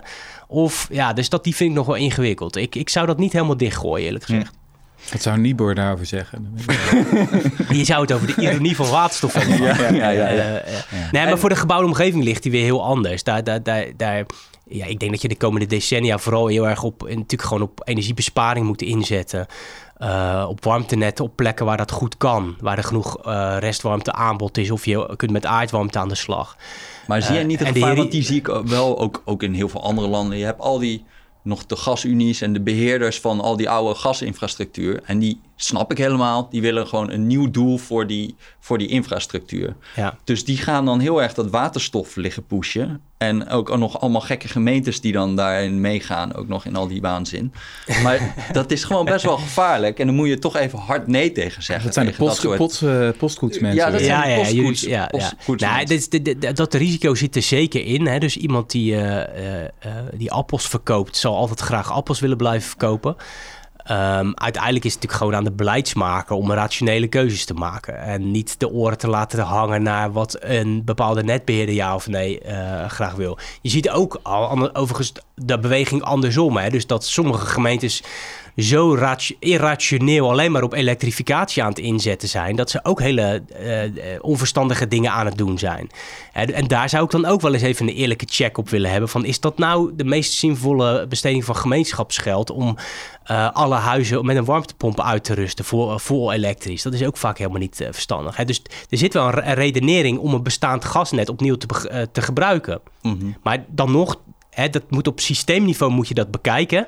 En een, een beleidsmaker moet wel een rationele keuze maken, gewoon gebaseerd op een sommetje. Ja. Hoe, hoe pakt het nou uit? Ja. En nog een vraag. Hè? Jij uh, bent heel erg voor de geopolitiek, dat we niet naïef moeten gaan zijn over uh, China, vooral. Ja. In, uh, um, nou, vraag ik mij af. Kijk, er komt nou in één keer ook omdat we in één keer merken dat China toch wel erg goed is geworden in die elektrische auto's. Ja, als je daar een grafiek kijkt van de import van Chinese auto's naar Europa ja, dat gaat gewoon heel hard omhoog. Ja, en factor volk... 4, 5 harder dan het jaar daarvoor, geloof ik. Ja, ja. en die zijn ook gewoon waanzinnig goedkoop vergeleken, met, uh, uh, ook vergeleken met Tesla's en zo. Ja. Uh, en dan komt nu in één keer komt ook weer een beetje dan op gang van... god, dat is allemaal met staatssteun gedaan. En is dat nou wel zo? Want ik heb nu gewoon, volgens mij is het gewoon dat de Volkswagens van deze wereld allemaal te traag zijn geweest. Die dachten dat ze hele slimme ingenieurs waren die nog wel eens uh, ultrazuinige diesels gingen maken. Maar die hebben gewoon niet gewild om daarin te investeren. China heeft dat wel gedaan. En dan nu gaan we daar allemaal invoerheffingen doen om muren op te trekken om Volkswagen te beschermen. Nou, niet zozeer om Volkswagen te beschermen. Kijk, de eerste vraag is gewoon een legitieme vraag. Is er sprake van ongeoorloofde staatssteun? Ja. Nou, de Europese Commissie heeft gezegd, daar gaan we nu naar kijken. Die hebben dus blijkbaar voldoende aanleiding gezien. Je zou natuurlijk cynisch kunnen zeggen, ja, dat komt omdat Frankrijk en Duitsland het heel nou, graag willen. dat zou ik zeer cynisch wel willen zeggen. Ja. ja. nou ja, dan weet jij misschien meer van geopolitiek dan ik. Um, Ehm, nee, er wordt naar gekeken en dan zal uit zo'n onderzoek wel blijken of dat zo is, ja of nee ik denk dat je uh, uitzoomend naar China. China heeft natuurlijk wel degelijk heel vaak dit model gebruikt. Ze hebben gebruik gemaakt van globalisering op het moment dat het ze uitkwam. En op het moment dat het ze niet uitkwam, hebben ze ook hun eigen markt beschermd. Daar, daarmee zijn ze ook in de vaart en volkeren omhoog komen drijven. Ja. Um, hè, dus Danny Roderick, die, die, die heeft een prachtig boek, De Globaliseringsparadox, waarin dat ook gewoon heel, heel goed opschrijft. Hè. Dus, dus het selectief gebruik maken van uh, wereldhandel. Mm uh, en als ik dat allemaal lees, denk ik, ja, wij zijn als Europa wel vrij naïef dat we, dat we, dat we denken dat andere landen, net als wij, politiek en economie van elkaar scheiden. Wat gewoon natuurlijk niet het geval is. Maar wij hebben er ook enorm van geprofiteerd. Ik bedoel, we zijn ja, en de vraag de is wel qua zonne-energie. En dat zijn vooral Chinese panelen op de Nederlandse daken. Ja, maar je zou kunnen zeggen dat hadden ook Duitse panelen nog wel weer kunnen zijn. Nee, want, want, China, in, China, de Internationaal Energieagentschap heeft ook laten zien van als je een fabriek voor uh, polysilicium, dat is dan zeg maar het grote, de grondstof, of voor ja. of wafers, of voor cellen, of voor zonnepanelen, is twee tot drie keer goedkoper in China om die te bouwen dan in Europa. Dus het is helemaal niet gek dat dat gewoon dat het daar gebeurt. Dus ze hebben daar een waanzinnige industrieel cluster. Wat ook alsmaar beter wordt daarin. We hebben en het is al lang niet meer alleen maar op arbeid. Het is gewoon technologisch zijn ze ons ver voorbij. En, dat, en dan komt er een soort van ja, van uh, maar, dat dan eh, Jette nog blij een, een fabriekje opent... Wat, wat, over, wat over helemaal niks gaat met zonnepanelen. ja, dat is gewoon zo'n achterhoedegevecht. Dat ga je niet meer winnen. Nou, dat is maar de vraag. Er is een... Uh, er is een nee, dus op, op, op, op een belangrijk punt win je het natuurlijk niet meer met zonneceltechnologie. Nee. Hoewel wij nog steeds instituten in Nederland hebben... die helemaal aan de voorkant van die ontwikkeling zitten. Hè? Dus, met tinfilm, maar wel een hele andere technologie. Ja, maar ook bijvoorbeeld... Er is zo'n NWO-club. Dus dat is dan zo'n onderzoeksinstelling. Uh, dat zit uh, in Amsterdam. Even kijken hoe AMOF. Mm -hmm. De, een paar, paar, maanden geleden ben ik daar op bezoek geweest. Die zitten helemaal aan de voorkant bijvoorbeeld van die perovskiet-zonnecellen. Eh, het is best wel jammer dat wij dat dan hier bedenken... en dat het dan vervolgens uiteindelijk in technologie straks elders wordt toegepast. En je hebt natuurlijk zo'n uh, groeifonds aanvraag, waarin ze ook in Nederland op van een uh, hoog, een hoogtechnologisch bedrijf weer zonnecellen willen gaan produceren. Ik vind dat toch een mooi initiatief dat we dat hier gaan proberen. Ik denk ook echt wel dat het kansrijk is. En dan wordt natuurlijk heel erg ingezet op robotisering enzovoorts. Ik denk dat het wel kan. Ik denk dat je ook niet naïef moet zijn dat je natuurlijk op een aantal punten dat gevecht al lang verloren hebt. Maar laten we in ieder geval nog kijken dat we niet alles aan eh, China cadeau doen. En straks, kijk, je kunt, toch, geen, je kunt toch niet een soort, alleen maar een soort diensteconomie straks in Europa overhouden. Nee, nee, maar er is een soort van neiging heel erg van, oh, dat doen zij wel heel erg mooi. Nou, dat willen wij dan ook. In plaats van uit te gaan van, waar zijn wij nou echt goed in? Zeker, maar... En dat gaan we doen. In plaats van, we gaan nu eens nog eens proberen een of ander slap aftreksel van wat zij toch veel beter kunnen. Ja, dus ga uit van je kracht in plaats van dat je het probeert gewoon dan hetzelfde te gaan doen. Want dat ja, dat, dat, bovendien, dat is al heel lang gaande. Dus in Amerika en zo hebben ze volgens mij op een gegeven moment uh, ook, uh, ook in de jaren tien gewoon invoerheffingen van 200% of zo op, uh, op Chinese zonnepanelen gehad. Nou, dat heeft hun ook geen industrie opgeleverd. Wel een veel tragere energietransitie overigens. Dus daar zijn de zonnepanelen lange tijd veel duurder geweest dan, dan bij maar dus even andersom. Zeg je dan dus dat we geen enkele barrière moeten opleggen? En dat we dus dit Voor zonnepanelen moeten... zou ik denken Nee, maar zonnepanelen, batterijen, elektrische auto's, windmolens, de hele grondstoffenketens, want die beheersen ze van de winning, raffinage en enzovoorts. Ik vind dat wel degelijk een risico. En als je weet dat zij politiek en economie niet scheiden, dan vind ik dat wel degelijk een groot risico. het is toch naïef om te denken dat ze dat niet in de toekomst gaan gebruiken om ook de duimschroeven voor Europa aan te ja, draaien. Oké, maar hoe zou dat er dan uitzien? We zijn nu grotendeels afhankelijk van olie en gas van, van allerlei nou ja, vrij ongure landen als dat gewoon stopt, dan heb je gewoon gelijk een probleem. Dat hebben we gezien bij Rusland. Hè? Dan heb je gelijk een probleem. Wat als de toevoer van zonnepanelen stopt?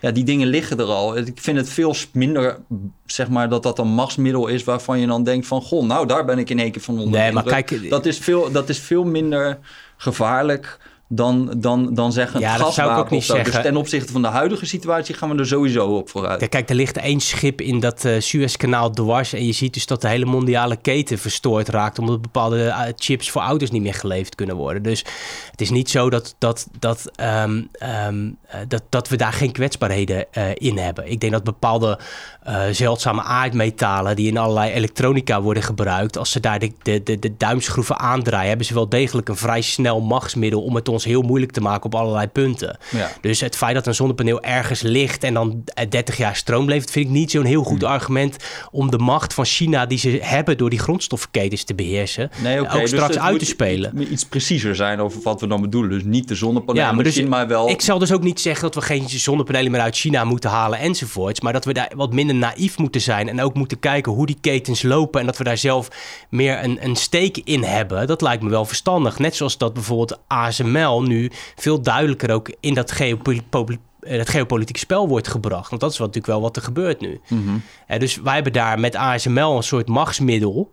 Uh, en zijn dus ook een klein beetje geopolitiek in economie nu aan het trekken. En ik denk, ja, dat is niet onverstandig. Dat is ook een soort realpolitiek om dat ook te doen. Maar dat vind ik nou juist een goed voorbeeld. Dat is iets waar wij dus goed in zijn. Ja. En daar, daarmee projecteer je macht. Niet door te gaan proberen om iets te imiteren waar je eigenlijk niet goed in bent. Nee, maar dan is de vraag waar ben je goed in, waar kan je, kan je allemaal goed in zijn. Hè? Dus als wij wel aan de voorkant zonder technologie bedenken die de rest van de wereld vervolgens gebruikt, kan je toch ook wel zeggen dat op dat punt we wel degelijk echt nog iets in huis hebben wat we niet kwijt moeten willen raken. Ja. Daarnaast denk ik ook van moet, je moet het ook niet zwart-wit maken door het over één product als totaal te hebben. Want vaak is het natuurlijk allemaal opgeknipt in stukjes en in ketens. En de ene die maakt de, de, de, de wafer en de volgende die perst tot een plaat enzovoort. Dus het zit bijna allemaal in China, behalve de panelen. Ja, maar dat is dus wel kwetsbaar. Dan zou ik zeggen, is er niet een onderdeel waar wij ook nog weer beter in kunnen worden? Zelfs als met de auto-industrie. Die, die, die, die, die, die auto-industrie haalt natuurlijk heel veel onderdelen en, en, en halffabrikaten uit uh, allerlei omliggende landen.